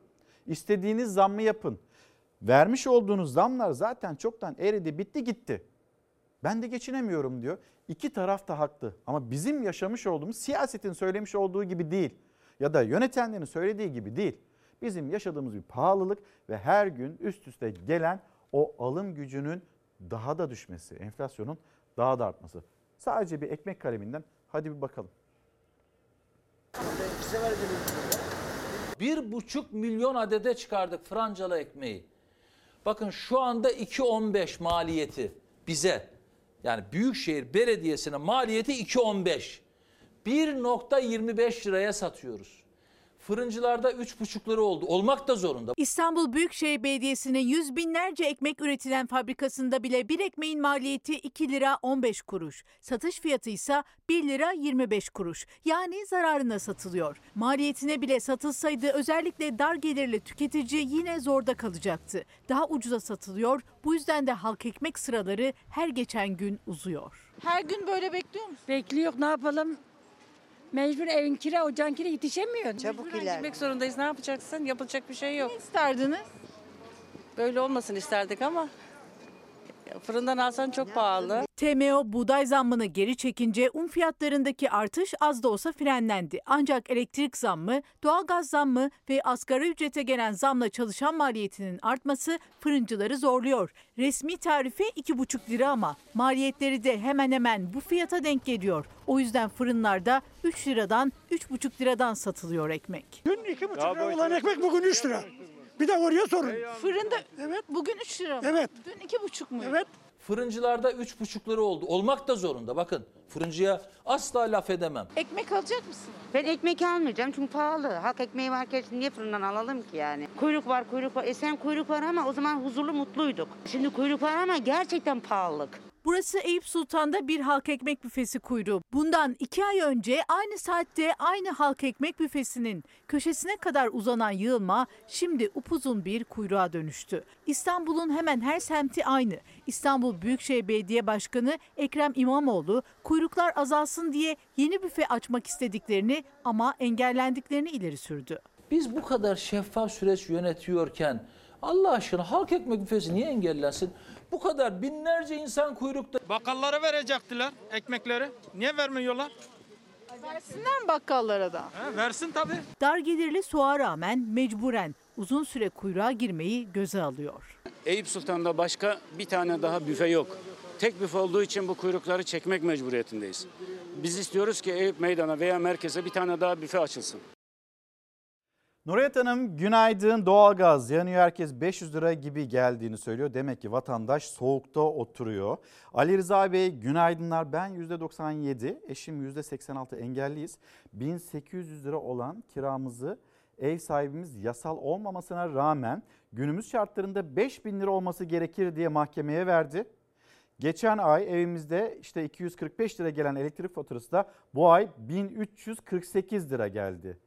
Geçen ay 245 lira, bu ay 1348 lira. Böyle bir elektrik faturası geldiğini söylemiş. Ali Rıza Bey, sizin yaşadığınız durumu bizim bülten sorumlumuz Özgür Turalıoğlu Seyhan var. Aynısını yaşıyor. Özgür de Özgür sen Florya'da oturuyordun galiba. Ne kadardı kira? 4 4 civarı. Peki şimdi ne istiyor? Ev sahibi diğer dairelere bakıyor. E şimdi bu pandemi sürecinde artmış kiralar. E bakıyor Özdurlar 4 civarı verirken orada kiralar olmuş 10. Bir tebligat göndermiş. Tebligatı da bunu yazmış. Bir de öyle bir durum var yani. Şimdi aynı Hüseyin de söylediği gibi bizim başımız ker mi? Biz de ya bu parayı verin ya da çıkın evimden ben başkasına 10 bin liraya kiralayayım demiş Ali Rıza Bey. Aynı sizin yaşadığınız durumu yaşıyor yani. Adalet aramak için çok para lazım. Şimdi burada bir adalet tabii e, aramak da gerekiyor. Ankara Barosu'nun yayınladığı 2022'nin yeni ücret tarifesini görenler bu kadar da zam olmaz diye tepki gösterdi. 2021'de anlaşmalı boşanmak isteyenin ödemesi gereken tutar 9750 lirayken bu yıl 12 bin lira oldu. Siz gittiniz anlaştınız boşanmak istiyorsunuz 12 bin lira olmuş. Yani evlenmek kadar pahalı olmuş boşanmakta. İcra takibine 7815 lira, tespit davasına 11500 lira ödenecek. Böyle bir tarife çıkıyor. Yeni Çağ gazetesinin manşeti adalet aramak için çok para lazım. Şimdi bakalım ekonomiyle ilgili haberlerine Yeni Çağ gazetesinin sebze ve meyvedeki kar zammı tezgahtaki gıdayı seyirlik yaptı. Tarımda maliyetlerin artması ve çiftçinin borç batağına saplanarak üretimi bırakması sonucu sebze meyve fiyatındaki artış kar kışla birlikte katlandı. Hüseyin şimdi haber böyle de Tarım Bakanı ona çok hani yaklaşmıyor öyle de düşünmüyor. Tarım Bakanı'nın o cümlesi tamam onu sonra verelim. Fırsatçılar yurt genelindeki kar yağışını bahane ederek İstanbul hallerinde sebze meyvenin fiyatlarını %20, %50 arttırdı. Bir haber daha bu da akaryakıtla ilgili nedir? Bir yılda yapılan 79 zamla benzin 4 liradan 14 liraya çıktı. Akaryakıt zamları 2021 yılı boyunca durdurak bilmedi. Geçtiğimiz yıl 79 kez gelen zamla benzin fiyatı bir yılda 10 lira 38 kuruş arttı. Motorun fiyatlarına ise fiyatına ise 2021'de 28 kez zam gelmiş. 14 lira 30 kuruş seviyesine ulaştı. LPG'nin fiyatı 5 lira 98 kuruş artarken şu anda 9 lira 20 kuruştan satılıyor. Şimdi haber böyle 79 kez zam ya boş verin 100 kez de zam gelse Enerji Bakanı'nın açıklaması biz Avrupa'ya baktığımızda akaryakıtı ucuz kullanıyormuşuz. Şu anda Avrupa'daki fiyatlara baktığımızda benzini en ucuz kullanan ülkelerden birisiyiz. Türkiye'de 14 lira civarında 1 litresi. Hollanda, Almanya gibi ülkelerde bu rakamlar şu anda TL bazında 26 lira. Neredeyse bizim iki katımıza yakın 60-65 milyar liralık bir fedakarlık yapıldı yani Maliye Bakanlığımızın. Onlar tabii bütçe dengeleri açısından bir miktar ÖTV'nin devam etmesinin bu dönem için uygun olacağını değerlendirdiler. Şimdi bir de Evrensel Gazetesi'ne bakalım. Yani gazete turumuza devam edelim. Bir gün Evrensel Gazetesi ve diğer gazeteler hepsini sırayla ekranınıza taşıyalım. Şimdi sizlerden gelen mesajlar da var. Göz ucuyla onlara da bakmaya gayret ediyorum. Bizlere hem günaydın diyen izleyicilerimiz var. Hem böyle gündemi takip eden, bizi takip alan izleyicilerimiz var. Sosyal medya hesaplarımızı bir kez daha hatırlatmış oldum pik yaptı. Ne pik yaptı? Virüs. Ne pik yaptı? İşte faturalar pik yaptı. Ve biz daha fazla böyle siyaset, siyasetin konuştuğu konular, polemikler. Hadi onlar da pik yaptı da biz daha fazla bu faturaların üzerinde duruyoruz. Onu konuşmaya gayret ediyoruz. Şimdi gıdada kriz kapıda. Kurak geçen bir yılın ardından çiftçiyi yine kuraklık bekliyor. Önlem alınmazsa gıdada büyük krizler kapıda. Filizlenmesi gereken buğday başa bu yıl istenilen düzeye gelmedi. Kar yağışı da duruma çare olmazken barajlarda yeteri kadar su olmaması ve sulama maliyetlerinin de yüksek olması üreticiyi kara kara düşündürüyor. Önlem alınmazsa önümüzdeki aylarda yurttaşları zor günler bekliyor. Hem çiftçiyi hem de vatandaşları, tüketiciyi zor günler bekliyor. Evrensel'e konuyu yorumlayan Diyarbakır Yenişehir Ziraat Odası Başkanı Süleyman İskenderoğlu, sulama kanallarının bir an önce çiftçinin hizmetine açılmasıyla Türkiye'nin buğday ihtiyacının %15-20'sinin karşılanacağını, aksi durumda gıda kriziyle karşı karşıya kalacaklarını, kalınacağını söyledi. Hemen bir yine tarım başlığından devam edelim o zaman ve tarımda ihracat böyle ihracat yapılması önemli, kıymetli ama bir yandan da acaba enflasyon düşsün diye ülkemizde pahalılık böyle azalsın diye mi düşünülüyor? Hani bize yetmiyor diye mi düşünülüyor? İhracatta bir kısıtlama söz konusu. dönemsel olarak ihracatın belirlenmesiyle ilgili yetki e, Tarım ve Orman Bakanlığı'na verildi. Bu tebliğ eğer uygulamaya girerse üretici üretimden soğuyacaktır. Çiftçi olarak hepimizin yüreği yanıyor. Hepimizin durumu işler acısı. 27 Ocak'ta resmi gazetede yayınlanan bu tebliğle 20 gıda ürününde ihracat kısıtlama etkisi artık Tarım ve Orman Bakanlığı'nda. Bakanlık patates, soğan, domates, biber, fasulye, patlıcan, narenciye gibi temel gıda ürünlerinde eğer gerekli görürse ihracata kısıtlama getirebilecek ya da durdurabilecek. Bu tümüyle yanlıştır. Tarım Bakanlığı'nın bu tarım ürünlerine ambargo koymasından öte bir şey değildir. İhracat e, çiftçinin sigortası gibidir. Yani bir ürünün ihracatı olmadığı zaman iç piyasada fiyatı mutlaka düşer. İç piyasada zaten hiçbir değeri yok. Üretici olarak eğer böyle bu kısıtlamalar gelecek olursa üretimi tamamen kesmek zorunda kalacağız. Amaç enflasyonu dizginlemek. Plana göre fiyatı yükselen gıda ürünlerinin yurt dışına satışı yasaklanacak. Ürünler yurt içinde kalacak. Aslında düşürülmek istenen etiketler ama zaten ağır maliyetler altında ezilen çiftçi yetiştirdiği ürünün fiyatının düşmesinden endişeli. Daha önce de yaşandığı gibi. Sadece limonda ihracat yasağı nedeniyle 200 bin tonun üzerinde limon depolarda çürüdü ve ürünü para etmedi. Limonlarımız kısıtlandı zaten satılmadı. Sayın Tarım Bakanı enflasyonun sebebini görmüş olduğunuz bu limon diye gösteriyor ama limon dalında. Örneği daha geçen yıl yaşandı. Salgın döneminde limon ihracatına sınırlama getirildi. Limon ihracatçısı dış piyasada pazarını kaybetti, üretici de fiyat 30 kuruşa kadar düştü. Limon ağaçları kesildi, market raflarındaysa değişen bir şey olmadı. Acılardan ders alınmalı ki bir daha tekrarlanmasın. Yaklaşık 40 milyon dönümü artık ekmemeye başlayan çiftçi, köylü, üretici saatten sonra sizin keyfi kararlarınızla ne hale gelebileceğinizi düşünebiliyor musunuz? Çiftçi bundan ciddi zarar görüyor ve üretimden vazgeçiyor. Üretimden vazgeçince bu kez e, ürün azalıyor ve fiyatlar çok daha yüksek seviyelere çıkıyor. Bunun sonucunda da ithalat gündeme geliyor. Girdi maliyetlerinin yükünü sırtında taşıyan çiftçi yeni tebliğle ürününü satacak pazar bulamazsa yine toprağını terk etmek zorunda kalacak. İhracat kısıtlamasının ithalat sarmalına neden olmasından endişe duyuluyor. Yanlışı yanlışla düzeltmeye çalışmayın. Türkiye hem kendi ihtiyacını karşılayacak hem de ihracat yapabilecek bir e, potansiyele sahip. Siz bu planlamayı yapmayarak bir ürünün ihracatını yasaklarsanız bundan sadece ihracatçı, sadece ekonomi, sadece çiftçi değil herkes kaybeder. Enerji Bakanı'nın bu akaryakıtla ilgili yapmış olduğu kıyaslama ve bununla ilgili de yine izleyicilerimizden gelen mesajlar var. O mesajlarda da diyor ki mesela Murat Bey, Sayın Bakan neden Avrupalı'nın aldığı maaşı da bir Türk lirasına çevirmiyor? Onların aldığı maaşı da Türk lirasına çevirdiğinde ortaya başka bir tablo çıkıyor çünkü.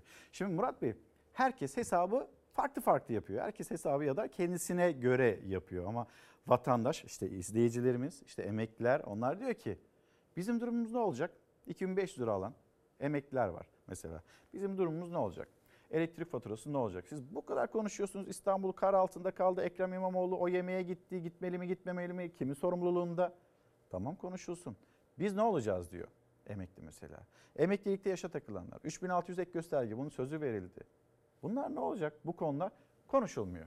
Ama biz konuşalım. Yine konuşmaya devam edelim. Bir gün gazetesi manşeti metro hatları ranta giriyor. Tek imzayla Bandırma, Bursa yüksek hızlı tren ihalesini 9.4 milyar liraya kalyona veren iktidar müteahhide çalışıyor. İstanbul'daki metro ihalelerinde de maliyet bitene kadar katlandı. Bazı kalemlerde maliyet 400 kat arttı. Şimdi Hüseyin bununla ilgili şimdi CHP lideri Kılıçdaroğlu evinin mutfağından bir belge açıkladı. O belgeyi açıklayıncaya kadar da elinde başka başka belgeler de vardı. Ve o belgelere de işte buna sonra geleceğim. Bunu şimdi söylemeyeyim sonra açıklayacağım vesaire. Böyle anlattı anlattı anlattı ve bir ihale o ihale süreci. Bununla ilgili kurmuş olduğu cümleler ve Kılıçdaroğlu'ndan yeni gelen açıklama var. Dün akşam işte Halk TV'de katılmış olduğu programda Kılıçdaroğlu'nun yeni yapmış olduğu açıklamalar var. Ve dedi ki Kılıçdaroğlu daha ben Cumhurbaşkanı Erdoğan'a Erdoğan'a daha çok sürprizler yapacağım.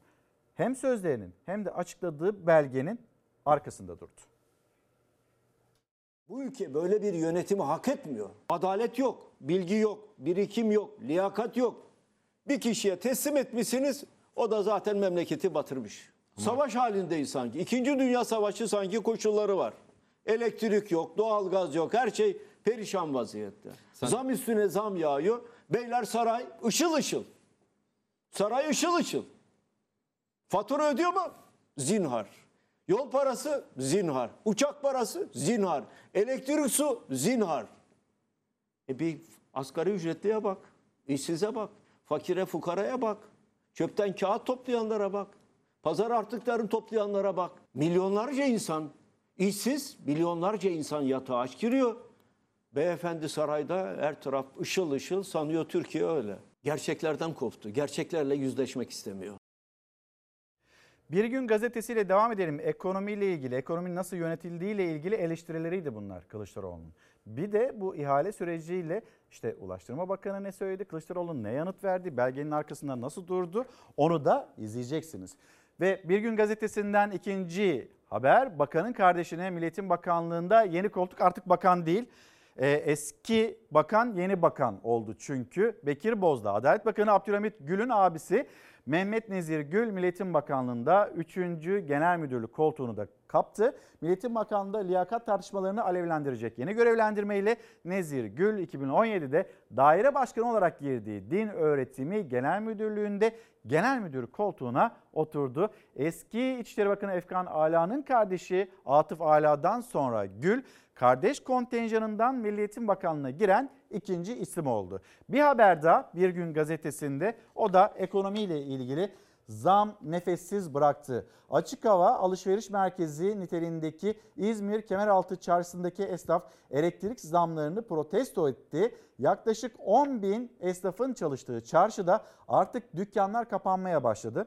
Kemeraltı Hayat Platformu adına konuşan Cem Ceylan, esnafımızı elektrik çarptı. Esnafın nefesini kesen zamların bir an önce geri alınmasını talep ediyoruz dedi. Şimdi buradan hani böyle İzmir'i konuşuyoruz. Elektrik faturalarını yine konuşmaya devam edeceğiz ama sizleri bir Edirne'ye götürelim. Edirne'de hani biliyorsunuz Bulgaristan'dan sınırdan gelen e, çoğunlukla yine hani yurttaşlarımız orada yaşayanlar geliyorlar burada alışveriş yapıyorlardı. Sonra işte bir PCR testi, paranın değer kazanması, değer kaybetmesi vesaire gelenlerin sayısında bir azalma oldu. Şimdi Edirne esnafı bir kampanya mı diyelim ya da tekrar bu alışveriş canlılığı olsun. Şu anda bizim vatandaşımız alamıyor, alım gücü düştü. Bari oradan gelsinler bu mallarımızı, elimizdeki malları satalım da biraz böyle nefes alalım diye düşündüklerinden mi? Bakın onları nasıl çağırıyor?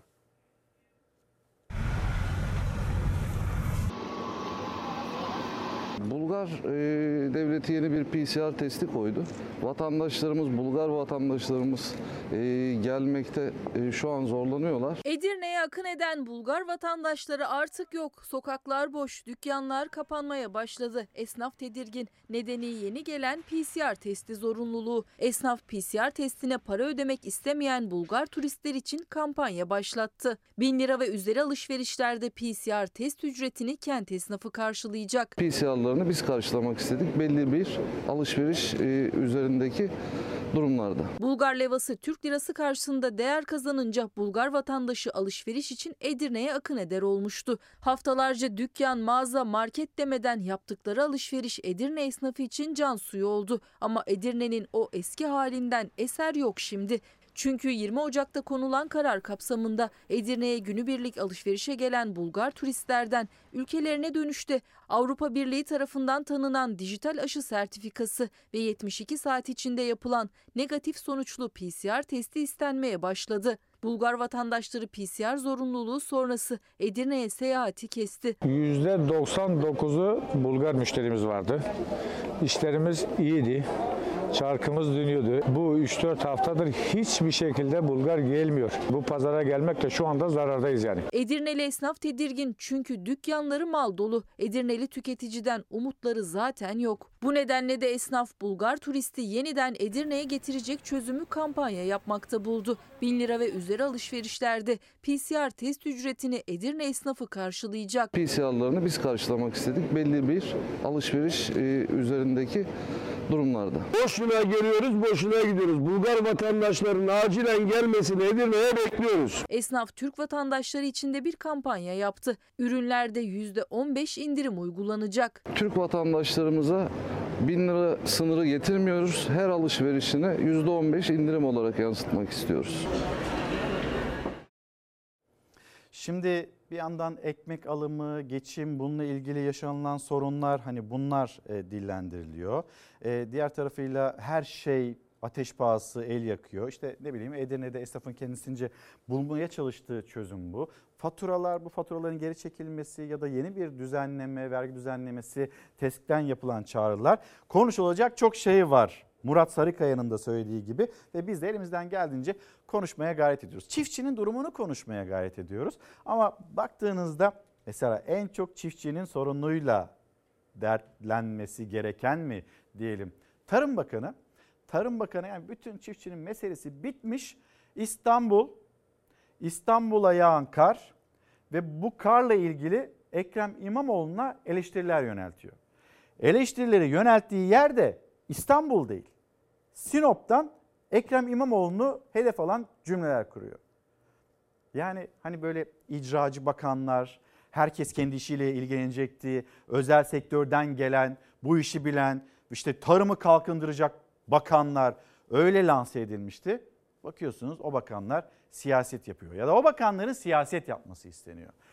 Pakdemirli orman yangınlarını unuttu. İmamoğlu'nu eleştirdi. Ülkenin akciğerlerini yok eden orman yangınları esnasında envanterimizde yangın söndürme uçağımız ve helikopterimiz yok açıklaması nedeniyle eleştirilen Tarım ve Orman Bakanı Bekir Pakdemirli, pazartesi akşamı İstanbul'da yaşanan kar felaketiyle ilgili İstanbul Büyükşehir Belediye Başkanı Ekrem İmamoğlu'na hedef aldı. Pakdemirli İmamoğlu'na ilişkin sen problem yaşandığında halkının yanında ol, kar küreme araçlarının yanında ol, bir şeyleri koordine etmeye çalış. Elbette eksiklikler olabilir, olacaktır da yani bu beklenmedik bir olay ama vatandaşın yanında olduğunu hissettirmen lazım. Öğüt vermiş. Ya da belki de Bekir Pakdemirli bu orman yangınları sırasında yaşamış olduklarından çıkarttığı tecrübelerini Ekrem İmamoğlu'yla paylaşmış. Yani nerede olduğu önemli değil. Sinop'ta, Ardahan'da, Ankara'da, Antalya'da yani ben de yaşadım. Bu sorunlar bir daha olmasın diye. Ya sorun olur, öngörülemeyebilir ama sen vatandaşın yanında olduğunu hissettir kendine. Gündeminde Ekrem İmamoğlu varmış Bekir Pakdemirli'nin. Özellikle şehirlerde e, bunların mücadelesini yapılması lazım. Ama şimdi ağlara bakıyorsun, ağlar birisi depremde kayak yapıyor. Ondan sonra ötekisi selde tatil yapıyor. Ondan sonra diğeri de karda balık yapıyor. Şimdi bunların hepsi aslında aynı adam. Yani İstanbul'daki zat. Bir bunun benzeri de İzmir'de var bizde. Elbette eksikler de olabilir. Olacaktır da. Yani bu beklenmedik bir olay. Ama vatandaşın yanında olduğunu hissettirmen lazım. Efendim elçiyle e, yemeğe gittim. Efendim elçiyle işim vardı filan. Ya olabilir. Randevun da olabilir. Önceden verilmiş bir randevun da olabilir. Oturursun dersin ki Sayın Büyükelçim şu an İstanbul için, vatandaşlarımız için, hemşehrilerimiz için çok önemli bir durum var. Sizinle olan randevumuzu birkaç saat erteleyelim, birkaç gün erteleyelim, birkaç hafta erteleyelim dersin, geçer gidersin.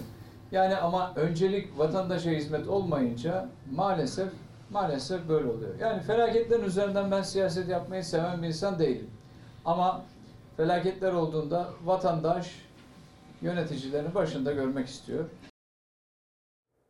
Ben felaketler üzerinden siyaset yapmayı sevmem demiş. Siyasette yapmamış aslında yaşamış olduklarından ders çıkartmış da öğütlerini paylaşmış. Ekrem İmamoğlu'na da iletmiş Sinop'tan. Efendim şimdi e, daha paylaşacağımız çok haber var. Hem de böyle Yeni günün sıcak sıcak haberleri, gün içinde ve önümüzdeki günlerde de çok çok konuşulacak konular, başlıklar ve açıklamalar var.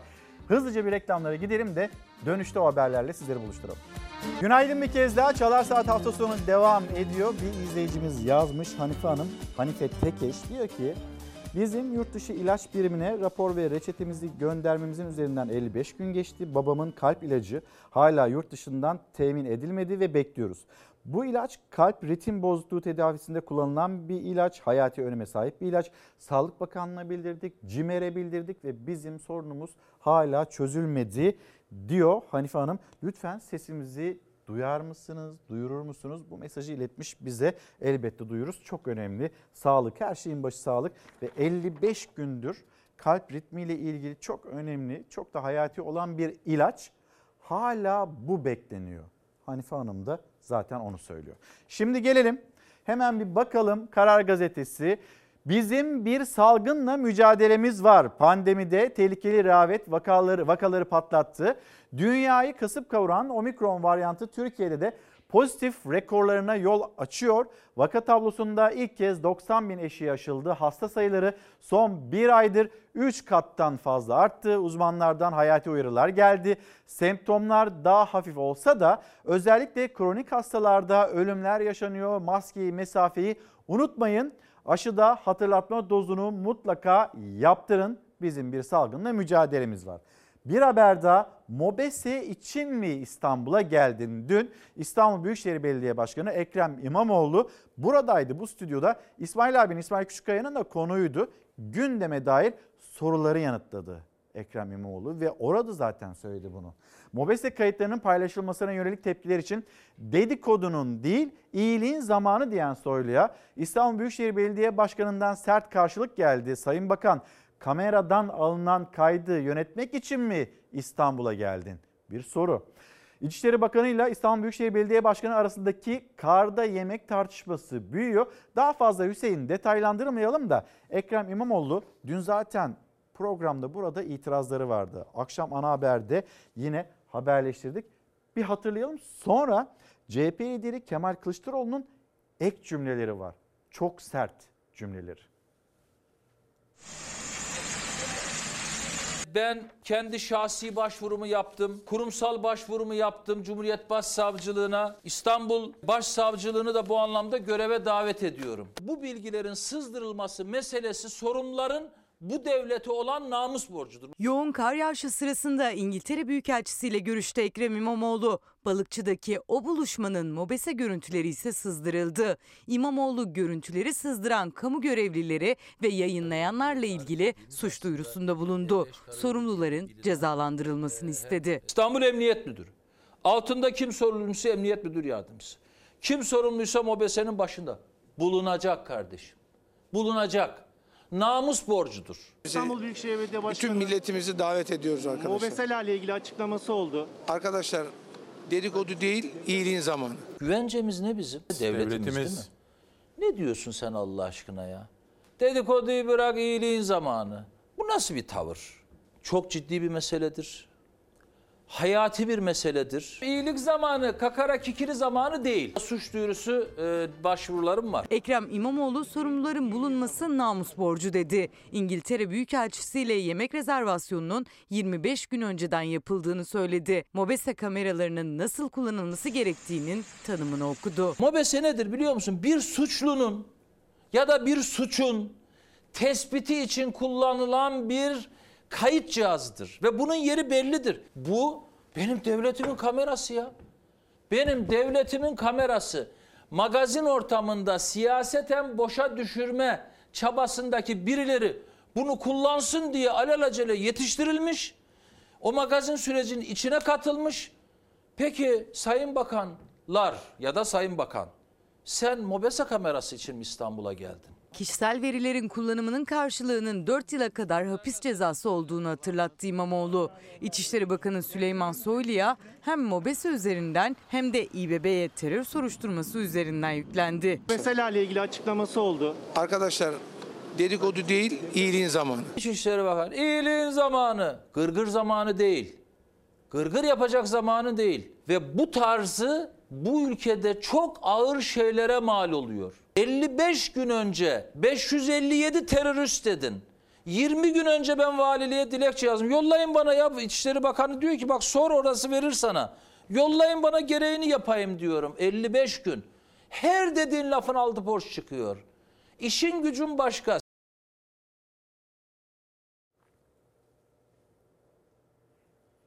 Yılmaz Bey günaydın. Tarım Bakanı'na gülsem mi ağlasam mı bilemedim demiş. Güngör Topsoy günaydınlar selamlarımızı iletelim. Ebru Hanım günaydın. Ebru Şahin de mesaj göndermiş diyor ki orman yangınlarında yangın şu tarihte olacak dendi mi? Kar için 10 gün önceden uyarı verildi. Niye önlem alınmadı? Şimdi burada niye önlem alınmadı? Önemli ve etkili bir soru. İstanbul Büyükşehir Belediyesi burada yağacak olan kara yönelik olarak neden önlemini yeteri kadar almadı? Bu bir. Aynı zamanda Ulaştırma Bakanlığı, aynı zamanda yap işlet devlet modeliyle yapılan yollar, oralarda da bu karın yağacağı belliydi. Orada da o önlemler neden yeterince alınmadı değil mi Ebru Hanım? Hani bunu da söylememiz gerekiyor. Bir de orman yangınları şu tarihte olacak denmez. Doğru ama şu sol söylenebilir ya da şu gerçekleşir zaten. Her yaz bahardan yaza dönerken bu ülkede orman varsa orman yangını olur bir şekilde o yangınlar çıkar. Sonra ya bizim işte yeterli teçhizatımız yok, donanım, donanımımız yok. O yüzden de biz yeterince müdahale edemedik diyemezsiniz. Yani burada da bir önlem alabilirsiniz. Yangının ne zaman çıkacağını bilemezsiniz ama orman işçileriyle yangın çıktığında müdahale edebilirsiniz. Tam yangın mevsiminde orman işçilerini mesela işten çıkartmazsınız. Tam yangın mevsimi öncesinde bir ihale mi yapılacak ya da araçların ya da o uçakların düzeltilmesi mi gerekiyor? Tekrar bir bakımdan geçmesi mi gerekiyor? Bunu yaparsınız. Hani bir tarafa deniliyor ya ya neden önlemini almadın? Herkes önlemini alsın. Şu taraf haklı, bu taraf haksız. Bizim umurumuzda değil. Biz vatandaş olarak konuşalım. Önemli olan ormanlarımızın mevcudiyetini koruyabiliyor muyuz? Koruduk mu? Koruyamadık. Biz İstanbul'u İstanbul işte o kar yağışından sonra yeterince böyle düzgün bir şekilde ulaşımı açık halde tutabildik mi? Tutamadık. İstanbul'a bağlantı yollarını İstanbul'a giriş çıkışlar kapandı. İstanbul'a giriş çıkışlar kapandı. Biz orada başarılı mıydık? E orada da başarılıydık. Hepsini aynı şekilde söylemek gerekiyor. Devamında da işte tabii yemek önemli vesaire diye de getirmişsiniz. Burada yapılan bir ihmal var ve her İstanbul Büyükşehir Belediyesi'ne dönük ihmal olduğunda geçmişe dönük örnekleri vermeyi bırakın. Geçmişe dönük örnekleri vermek zorundayız. Çünkü hatalarımızdan ders çıkartmamız gerekiyor. Çünkü tarih dediğiniz hani böyle tekerrürden ibaret. Hataların da tekerrür etmesinden ibaret oluyor çoğu zaman. Bari bundan kurtulabilelim Ebru Hanım. Hani bunları biz hatırlatıyoruz. Siz de hatırlayın ve hatırlatın. Hani bir taraftan değil de böyle geniş bir pencereden baktığınızda perspektiften bence daha doğru olur. Şimdi bu işte kumpas var. Yemek görüntüleri servis edilen İmamoğlu böyle tepki gösterdi. Bir kumpas olduğunu düşünüyor ve bununla ilgili cümleler de kurdu. Diyor ki mesele çok ciddi mesele sadece Ekrem İmamoğlu meselesi değil. Bir belediye başkanı bir insan, bir siyasetçi, bir belediye başkanı takip ediliyor. Mobese kameralarından birisi takip ediyor ve bunu da sosyal medya üzerinden yayıyor, yayınlıyor. Mesele bu. Mesele kişi meselesi değil. Mesele çok önemli, çok ciddi. Bunu hatırlatıyor ve Kılıçdaroğlu da dün bununla ilgili yine sert açıklamalarda bulundu. Daha önce demiştim ki bizim telefonlarımızı dinliyorlar diye. Evet benim de Güzel. yaptığımız bir Defalarca söyledim bunu. Evet. Defalarca. Benim, ailemin, çocuklarımın telefonlarını dinliyor. CHP'li belediye başkanlarının telefonlarını dinliyorlar dedim. Bir gerçek daha ortaya çıktı. Sadece dinlemiyorlar. Bir de izliyorlar. Ya insan biraz utanır ya. İnsan biraz sıkılır ya. CHP Genel Başkanı Kemal Kılıçdaroğlu da üst perdeden çok ağır sözlerle girdi MOBESE tartışmasına anayasa ve suç hatırlatmasıyla. Dinlemezseniz, izlemezseniz namersiniz diyorum. Bizim verilmeyecek hesabımız mı var Allah aşkına ya? Ama ben demokrasi adına utanıyorum. Benim özel hayatımı servis edemezsiniz efendim. Anayasaya göre suçtur. Kişinin özel yaşamı anayasal güvence altındadır. Ama anayasası askıda olan bir devlette bu suç olmaktan çıkıyor. Çünkü kime davayı açacaksınız? Ben kendi şahsi başvurumu yaptım. Kurumsal başvurumu yaptım Cumhuriyet Başsavcılığına. İstanbul Başsavcılığını da bu anlamda göreve davet ediyorum. Ekrem İmamoğlu'nun İngiltere Büyükelçisiyle yemeğe giderken olduğu öne sürülen MOBESE kayıtlarının neden ve kim tarafından paylaşıldığı sorusu siyaseti dalgalandırdı. İmamoğlu bu herkesin güvenlik meselesi dedi. İstanbul Büyükşehir Belediye Bütün Başkanı milletimizi davet ediyoruz arkadaşlar. Mobesela ile ilgili açıklaması oldu. Arkadaşlar dedikodu değil, iyiliğin zamanı. Bu benim memleketimin, şahsımın, ailemin, herkesin, sizin de güvenliği meselesidir. İçişleri Bakanı, iyiliğin zamanı, gırgır zamanı değil. Olay ne olursa olsun, ilgilisi kim olursa olsun, kimsenin özel hayatının ifşa edilmesine asla ama asla kimse müsaade etmez. Hukuk da bunu kabul etmez. Geçmişte bunu FETÖ yapıyordu. Suçla ilgisi olmayan bütün konular iddianame bahanesiyle ortalığa saçılıyor. Eğer güvenliğe aykırı trafik suçu işlememişsem, gittiğim yer bulunduğum mekan asla dışarıya verilemez, sızdırılamaz. Bu devlet eşittir güvendir. İmamoğlu da CHP'de MOBESE'lerin nasıl ve kimin eliyle sosyal medyaya sızdığının takibinde. Dinlemezseniz, izlemezseniz namersiniz diyorum. Bizim verilmeyecek hesabımız mı var Allah aşkına ya? Ama ben demokrasi adına utanıyorum. Bu konuşma, bu tartışma daha devam edecek. Buna dair de sizlerden mesaj geliyor. O mesajlar da önemli ama Türkiye'nin esas olarak odaklanması gereken gündem maddesi yine sizin hatırlattığınız konu ekonomi. Mesela bir simit hesabı yapalım. Simit Ankara'da şimdi e, zamlanacak da simit ne kadar olacak? Simit hesabı yaptığınızda 2500 lira alan emekli acaba geçiniyor mu, geçinemiyor mu? Bir çay simit hesabına bakalım.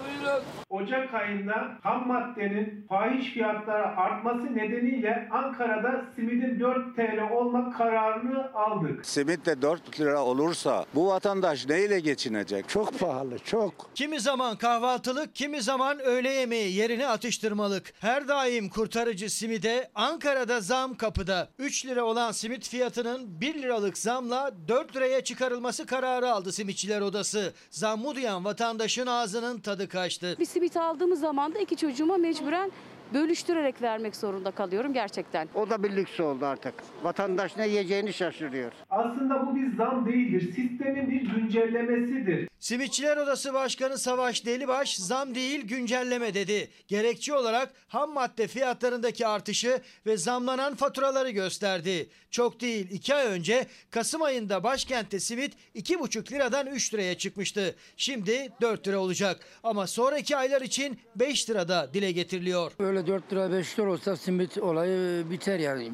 Vatandaş yemez. 3 liraya bile zorlanıyor yani şu anda. Asgari ücretlinin karın doyuran öğünü çay ve simitten ibaret ama neredeyse bu ayrılmaz ikili de artık lüks oldu. Öyle ki sadece bir kişinin bir öğünlük çay simit hesabı 8 lira. Simit 4 lira olursa gerçekten insanların hali perişan vaziyette. 4250 liralık asgari ücretle ve tek maaşla geçinen 4 kişilik bir aile 3 öğün sadece simit çayla beslense ayda 2880 lira yapıyor. Geriye de sadece 1370 lira kalıyor. Ay çok para 1370 lira. Siz ne diyorsunuz yani? Kirasını verecek, çocuğunu okutacak. Her türlü ihtiyaçlarını bununla karşılar, artar bile aslında. Yok böyle bir şey ya gerçekten. 2002'de asgari ücret 184 liraydı. 5 kişilik bir aile günde 3 öğün çay ve simitle geçinse asgari ücret maalesef çay ve simide yetmiyordu. Zamanında çay simit hesabı yapıyordunuz. Şimdi çay simit hesabınız dahi şaştı. Aynen şöyle diyordu. Bu zalim yönetim, bu aziz millete... Bir bardak çayla bir simidi bile layık görmüyor. Sayın Cumhurbaşkanı'nın ifadesiyle soruyorum. Kirayı kim ödeyecek? Elektrik faturasını kim ödeyecek? Çocuğa harçlığı kim? En düşük emekli maaşı 2500 lira alan bir emekli de sadece 3 öğün simit çay yapsa aylık 720 lira tutuyor. Geçinmek için eline 1780 lira kalıyor. Hesabı şaşıyor. Kalan para kalmıyor bile. Elektriğe mi ödeyeceğiz? Doğalgaza mı ödeyeceğiz? Ben emekli. Evimi zor geçindiriyorum. Bursa'da da simidin 4 lira olması istendi. Şimdi gözler her iki ilin valiliğinde simit zamlarına onay verip vermeyeceklerinde. Yusuf Bey günaydın. Türk milletinin aleyhine kim yanlış yapıyorsa o makamı terk etsin bence. Mesajı bu şekilde. Zeynep Hanım, Zeynep Kaya diyor ki ya İstanbul konuşuluyor konuşuluyor da e Gaziantep, Gaziantep'e işte o yola kar yağmadı mı? Orada insanlar iki gün boyunca mağdur olmadı mı? Niye orayı kimse konuşmuyor? Niye sadece İstanbul'un içi konuşuluyor, bağlantı yolları konuşulmuyor ve Gaziantep konuşulmuyor? Bunu bir düşünsünler. Hani Ekrem İmamoğlu'nu eleştirenler bunu da bir yandan düşünsünler diyor. Gülfer Hanım İmamoğlu'nun yemek yemesi vesaire benim kesinlikle umurumda değil. Gündem değiştirilmeye çalışılıyor. Elektrik, doğalgaz, işte organize sanayi bölgelerinde kesilen yakıtlar Hani bunlar sebebiyle gündemin değiştirildiğini düşünüyorum diyor. Sinan Adıyaman, günaydın Sinan Hocam. O da diyor ki Türk Tabipleri eski başkanıydı Türk Tabipleri Birliği'nin. Sırası geldiği halde 3. doz aşısını olmayan yaklaşık 24 milyon kişi var. Fakat günlük aşılama sayıları hızla düşüyor. Bir hatırlatma yapıyor. Şimdi geri gelecek olursak bu faturalara özellikle elektrik faturasına ve özellikle esnafın faturasına işte esnaf nasıl dertli bunun haberi. Bu ay gelen fatura 21.835 TL. Elektrik faturası değil, elektrik ateşi desek daha iyi olur. Elektrik ateşi geldi. İnanın o kadar acı geldi ki anlatamazsın. İşletmemize geçen ay gelen elektrik faturası 5400 liraydı. Ondan önceki gelen elektrik faturası 3770 liraydı. Bu ay gelen elektrik faturası 17.491 lira. Ay ay katlanarak arttı esnafın elektrik faturası. Artık ödeyemeyeceği rakamlara ulaştı. Gelir gider dengesi iyice şaştı. Şimdi kara kara faturaları nasıl ödeyeceğini düşünüyorlar. Ben bunu hapis cezasına çevirebilir miyim dedim ya. Eksi 9000'deyim bu ay. Ben bunu ödemezsem gidip kredi çekip ödeyeceğim yani. Böyle giderse Tek çözüm işletme kapatmak. Dün geldi elektrik faturası iki katı geldi 5600 lira. E ne yaptık yani biz bir nükleer santral mı kurduk buraya kardeşim ben anlamadım yani. Sadece bir elektrik faturasını ödeyebilmek için kredi çekmeyi düşünüyor esnaf. Ama bu bir çözüm değil borç batağı demek. Elektriğe gelen fahiş zamla neredeyse bir dükkan kirası kadar fatura ödemek zorunda çoğu. Elektriğin daha fazla kullanıldığı iş yerlerinde kirayı da geçiyor rakam. Geçen ay 2,5 geldi. Bu ay 4400 lira yani neredeyse iki katı. 4400 liralık faturayı gördüğünüzde ilk tepkiniz ne oldu? Valla çok zoruma gitti açıkçası. Yani sanki e, ev taksiti yatırmış gibi oldum. Bir dahaki aylarda ne yapacaksınız? Bu zor yani gerçekten zor. Nasıl yapacağız biz de bilmiyoruz. Herhalde bu ay faturaya çalışacaksınız. E, bu ay zaten faturalara çalıştık. Elektrikte mi düşmüşler? Ben buradan iki tane çay satarak, 3-5 tane çay satarak şu faturaları ödeyemem. Burası 8 metrekarelik bir telefon aksesuarı dükkanı ve sadece 7 tane led ışıkla aydınlanıyor. Isınmak için de küçük bir elektrikli soba kullanıyor esnaf. Geçen ayla bu ayın elektrik kullanımı aşağı yukarı aynı. Ancak gelen iki elektrik faturası arasında uçurum var. Geçen ay 507 lira gelen elektrik bu ay 1172 lira geldi. Bu %100 bir soygundur. Biz artık bunu kesinlikle kabul edemiyoruz. Nasıl ödeyeceksiniz bu faturaları? Nasıl ödeyeceğiz? Mecburen kredi çekeceğiz. Elektrik faturası ödemek için kredi çekeceksiniz. Aynen öyle. O krediyi nasıl ödeyeceksiniz? İşte. Ödeyemeyeceğiz. Ödeyemeyeceğiz. Fatura zamları geri çekilsin. Elektrik zammı geri çekilsin diye tüketiciler de İstanbul Kadıköy'de eylemdeydi. Denizli'den, Sinop'tan, Aydın'dan, İstanbul'dan sesini yükselten esnafın talebi de aynı. Gelirleri ne geçmiş borçlarını kapatmaya yetiyor ne de faturaları karşılamaya. Salgında uzun süre kapalı kalan esnaf daha kendini toparlayamamışken gelen yüksek faturalar yüzünden adım adım kaçınılmaz sona doğru yaklaşıyor. Bu dükkanı mecburen vereceğim. Kapatıyorum. İşi bırakıyorum. Aynen. Kapatıyorum komple dükkanı kapatıyorum. Başkalarına devrediyorum. Neden? Elektrik faturası, kiralar, zamlar ve hani eskisi gibi dönemiyoruz, iş yapamıyoruz. Elektrik, doğalgazı hükümetimiz buna el koysun. Millete yeter artık bu kadar yüklenmesinler yani. Bırakın bu milletin boğazından inin aşağı demek istiyoruz. Faturalar kepenk indirtiyor. Bunu TESK Başkanı da söylüyor. Burada bir çözüm bulunması isteği var. Cengiz Bey, Cengiz Saklar günaydın. Bir de Taşkın Bey göndermiş. Taşkın abiye de bir günaydınlarımı ileteyim. Yani niye savunup duruyorsunuz İmamoğlu'nu diyor. Tabii siz hani programa sonradan dahil olmuşsunuz. Böyle televizyonu açmışsınız ve o andan itibaren işte izlemeye başlamışsınız. Öncesinde bilmediğiniz için bu cümleleri kurmuşsunuz. Vallahi biz kimseyi savunmuyoruz. Orada bir mağduriyet yaşandı mı? İmamoğlu'nun hatası var mı? Varsa sorumluluğu üstlenmek durumunda. Evet olumsuzluklar oldu ve İmamoğlu hatalı. Hem önlem almadığı için hatalı hem de o gün hiç gereği yokken ve çok izah edilebilir bir durumken İngiltere'nin büyükelçisiyle yemeğe gitti. Kendisi ya ben kendi hayatımdan feragat edemem. Genel sekreterim var, işler yürüyor. Bir saat, iki saat, üç saat neyse gittim diyor. Kendisi böyle bakıyor olabilir. Ama en nihayetinde orada bir yemek de yenilecekse karı kürüyen kişiyle yan yana sandviç mi yiyor? Onu yeseydi ve yine Akom'da olsaydı ya görüşmesini yine o e, İstanbul Büyükşehir Belediyesi'nde ya da Akom'da gerçekleştirseydi. Kimsenin kimseyi savunduğu yok. Sadece şu var. Ekrem İmamoğlu'nun hani işte bir karne veriliyor. Ekrem İmamoğlu başarısız deniliyor. Bunu söyleyenler ne kadar başarılı o gözden kaçırılıyor. Gaziantep'te ne kadar başarılıydı? Ankara İstanbul bağlantı yolunun kapanması konusunda ne kadar başarılıydı? Kuzey Marmara Otoyolu'nda ne kadar başarılıydı? Trakya'dan gelen yolda ne kadar başarılıydı? Bir şey kötüyse hepsiyle birlikte söyleyeceksiniz. O taraf kötü, bu taraf ya biraz problem oldu değil. Herkes aynı şekilde karnesini güzel bir şekilde ortaya koysun. Herkesin notları kırık. Kimse kendisini kurtarmaya çalışmasın. Daha büyük bir kırık var ortada. Bir mobese kaydı var. Bu mobese kaydı nasıl ortaya çıktı? Kim paylaştı? Kişisel veriler nasıl paylaşılıyor? Daha büyük sorun var. Habire biz karı konuşuyoruz. Karı konuşurken bir yandan da faturaları da konuşalım bu arada. Yine geri geleyim ben konuya. Diyorsunuz ki ya niye savunuyorsun? Savunmuyorum ben kimseyi. Beni de ilgilendirmez. Hürriyet gazetesi krizin sıfır noktası Hürriyet'ten Muhammed Kafadar Ukrayna'nın cepheden önceki son kenti olan Kramatorsk'a gitti. 8 yıl önceki savaşın merkezi olan kent yeni bir savaşa hazırlık yapıyor. Şimdi Rusya ve Amerika Birleşik Devletleri arasında bir kriz var. Rusya'nın Ukrayna'nın bazı kentlerini, şehirlerini e, işgal edeceğiyle ilgili bilgiler var. Hatta tarih veriyor Biden.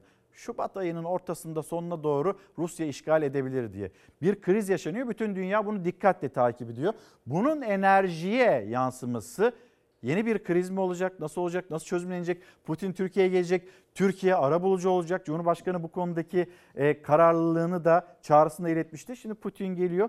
Ülkeler arasında bir arabuluculukla meselenin aşılması isteniyor, bekleniyor. Yine önemli bir haber. Covid'e tuzak kuran Türk koronayı bitirecek ilacı anlattı. Profesör Doktor Derya Unutmaz'ın geliştirdiği Covid-19'un tüm varyantlarına karşı kullanılacak ilaç bir yıl sonuna kadar hazır olacak. Unutmaz sadece şu anki varyantlar için değil, gelecekte çıkabilecek varyantlara karşı savunma mekanizması oluşturmak istiyoruz dedi. Unutmaz yeni yöntemin virüse kurulan bir tuzak olduğunu da yine paylaştı.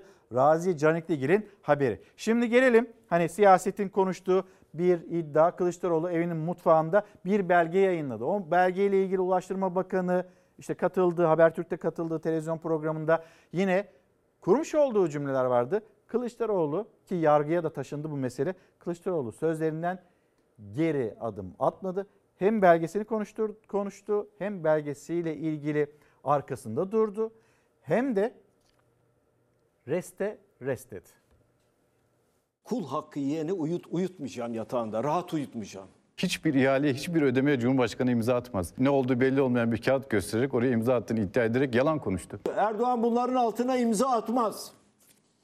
Kardeşim, sevgili bakanım, ya İstanbul'daki kupon arazileri önce bana soracaksın diyen ben miydim Allah aşkına ya? Söyler misin sevgili bakanım? Ya bizi çok özür dilerim ama bizi enayi mi sanıyorlar bunlar ya? Bandırma Bursa Yüksek Standartlı Demiryolu ihalesinde usulsüzlük ve peşkeş iddiasına Ulaştırma Bakanı Kara İsmailoğlu yalan demişti. CHP lideri belgelerinde sözlerinin de arkasında. CHP'den Erdoğan'la biri eski iki Ulaştırma Bakanı ve müteahhitlerle ilgili suç duyurusu hamlesi de geldi. Keşke ellerine verilen kağıda inanmayıp bunun teferruatını attıklarını isteseydik. E yine zor duruma düşürdüler kendi kendilerini. Nasıl kuşku olsun? Resmi belge zaten. Yani bu ihale yapılmış zaten. Kılıçdaroğlu'nun iddiasına göre Bursa Bandırma Yenişehir Osmaneli Yüksek Hızlı Tren Projesi 3 Nisan 2018'de yapılan açık ihale ile 3 milyar 200 milyon lira karşılığında bir firmaya verildi. Ancak sonra ihale iptal edildi. 21 Ağustos 2020'de bu kez yaklaşık 9,5 milyar lira bedelle ve davet usulüyle başka bir firmaya verildi. CHP bu yandaşa peşkeş dedi. Bakan Kara İsmailoğlu ihale şartları değişti deyip savunmaya geçti. CHP ise davet usulü ihaleleri yargıya taşıdı. 6 milyar lira niye veriyorsun daha fazladan? Daha Erdoğan'a çok sürprizlerim var. Daha çok sürprizlerim var. Orada Erdoğan'ın ıslak imzasının olduğu iki belgeyi de gösterdim. Evet. İki belgeyi de gösterdim. Daha çok sürprizlerim var ona. Öyle tazminat davası açtım. Kılıçdaroğlu susacak. Yemezler. Ne dedim? Tüy bitmemiş yetimin hakkını sonuna kadar savunacağım. En düşük teklif verenin ihale teklif fiyatlarında tutarsızlıklar olduğu için idare de bunu iptal etti bu işi. 2020 Sayıştay raporunda 21B adrese teslim yapılan toplam ihale miktarı 21 milyar 750 milyon. Bursa'da da aynı hilelere başvurulmuş. Birazcık matematiği olan, birazcık devlet tecrübesi olan bu fiyat niye buraya çıktı? Ayrıca 2018 yılı fiyatlarıyla 2020 yılı fiyatları bir değildi ki. Elma ile armudu karıştırıyorlar. Niye ihale yaparız biz? Daha ucuza. Devlet ucuza Tabii. ve daha sağlıklı yapsın diye. Bunlar ne yapıyorlar? Önce gidiyorlar, temeli atıyorlar müteahhitle beraber. Müteahhitle beraber temel attıktan sonra da ihale yapıyorlar. Aynı müteahhide veriyorlar. Ya dünyada böyle bir garabet olur mu ya? Gerçekten yani AK Partili kardeşlerime seslenmek isterim yani.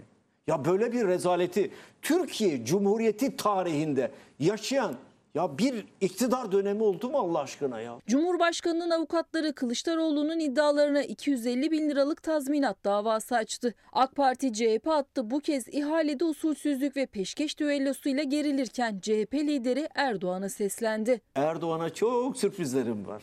Hiç o o e, avukatına talimat versin Kılıçdaroğlu hakkında tazminat davası açın. Bununla ilgili ayrıca milletvekilimiz suç duyurusunda da bulundu. Diyorlar ya niye savcıya vermiyorsun? E, verdik. Savcıya da verdik. Suç duyurusunda da Şu bulunduk. ihaleyle ilgili. Elbette suç duyurusunda da bulunduk. Bunu yapamazsın kardeşim sen. Şeyda Hanım günaydın. Bodrum'da yaşayan, kızıyla yaşayan, eee, tek başına da çalışan birisiyim. Geçen ayki faturam 639 liraydı. Dün akşam sonları yaşadım ve 1000 lira veya 1200 lira beklerken 2040 lira geldi. Elektrik faturasından mı söz ediyor? Evet. Elektrik faturasının 2040 lira geldiğini söylüyor, paylaşıyor. Bir başka izleyicimiz hemen bir bakayım. Buradan yanlış yerlere de girdim. İsminize bakmaya çalışıyorum. Yaşar Kural. Yaşar Kural diyor ki 25 metrekare dükkanım var. Sadece klima ve çay demliyorum. Geçen ay 125 lira gelen elektrik faturası bu ay 757 lira geldi. Bunu bana birisi açıklayabilir mi? Evet bir izaha muhtaç durumdan söz ediyoruz. Bir başka izleyicimiz Şehnaz Hanım günaydın. Sandviç mi yeseydi dediniz Ankara'dan eşiyle birlikte gelen İngiltere Büyükelçisi'ni de oraya mı götürseydi? Evet sandviç yeseydi dedim. Ama hani o buluşmaya gitmeseydi, o yemeğe gitmeseydi gayet de böyle ertelenebilir, beklenebilir bir gece, bir randevu olduğunu düşünüyorum. Zaten İngiltere'nin Büyükelçisi de geldiğinde görmüştür İstanbul'un ne halde olduğunu. Ha ben şunu söylemiyorum Şeyh, Şeyhnaz Hanım. Yani Ekrem İmamoğlu sandviç yeseydi İngiltere'nin büyükelçisiyle eşine de sandviç ikram etseydi demiyorum. Hani siz öyle anlatmak ya da anlamak istiyorsanız onu da siz bilirsiniz. Şimdi devam edelim. Yine geçimle ilgili bir haber. Hala burada tıkandık. Hala patinaj yapıyoruz. Hala İstanbul kar. Hala buradayız. Mesele geçim. İnsanlar hayalleri ve hayallerini ertelemek zorunda oluşları. Buraya dönelim bence. Ve konut meselesi. İstanbul'da konut fiyatları bir yılda yarı yarıya zamlandı. Metrekare başına ortalama birim fiyatsa 9 bin liraya ulaştı.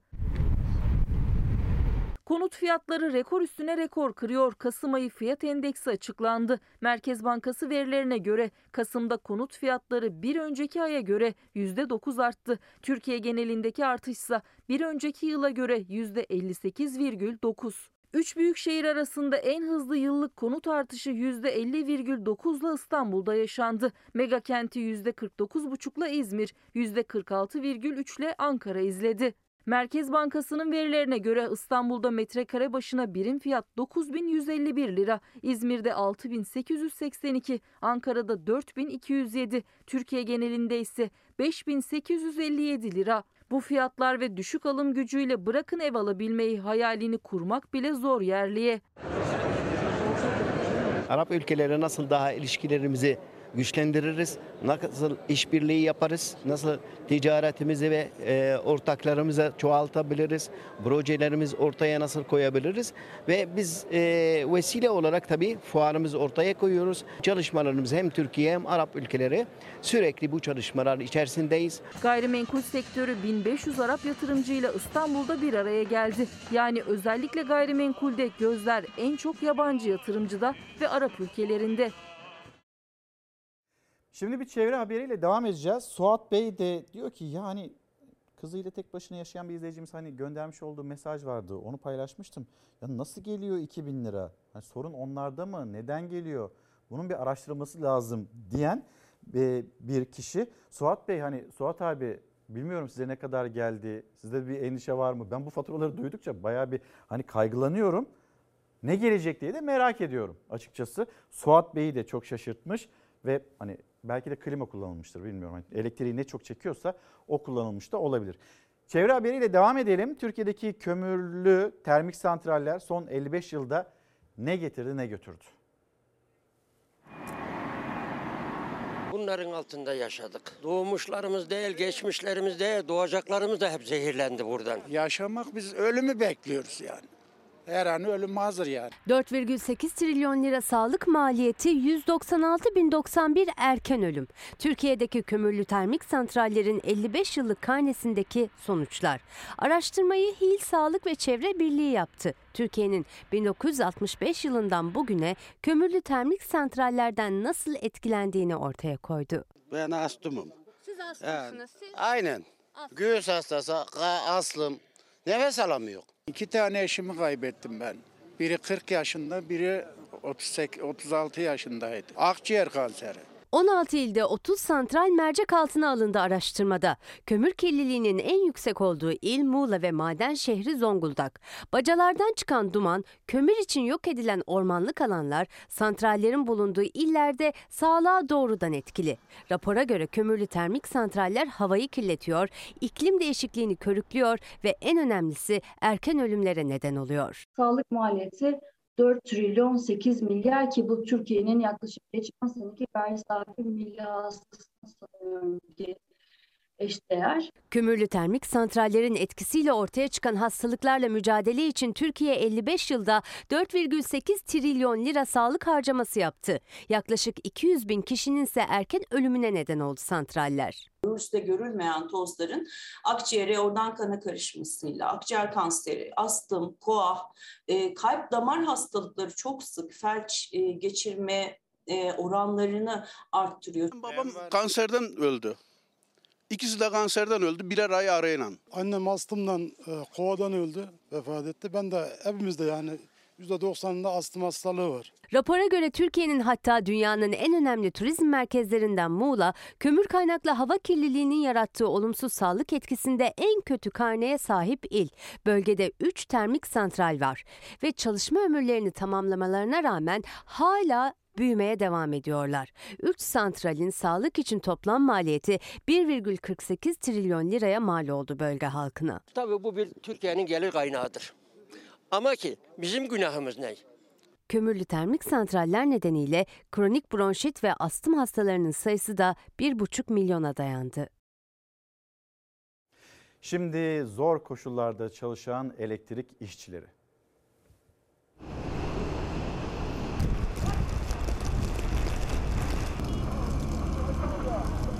Bugün kar yağışının dördüncü günü ve biz dört gündür ekip arkadaşlarımızla birlikte sahadayız.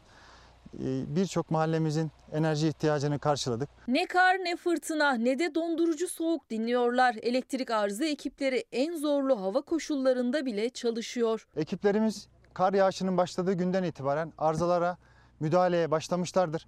Şu anda da yaklaşık 1-1,5 saat sürecek bir çalışmamız olacak. Enerjinin gizli kahramanları 7 bölgedeki 21 elektrik dağıtım şirketinde 22.152 çalışan sahada kesintisiz mücadele ediyor. Kimi zaman 2 metreyi bulan karın içinde tipi de fırtınada seldi. İlerideki mahallelerden de tekrardan e, elektrik yok ihbarlarımız var.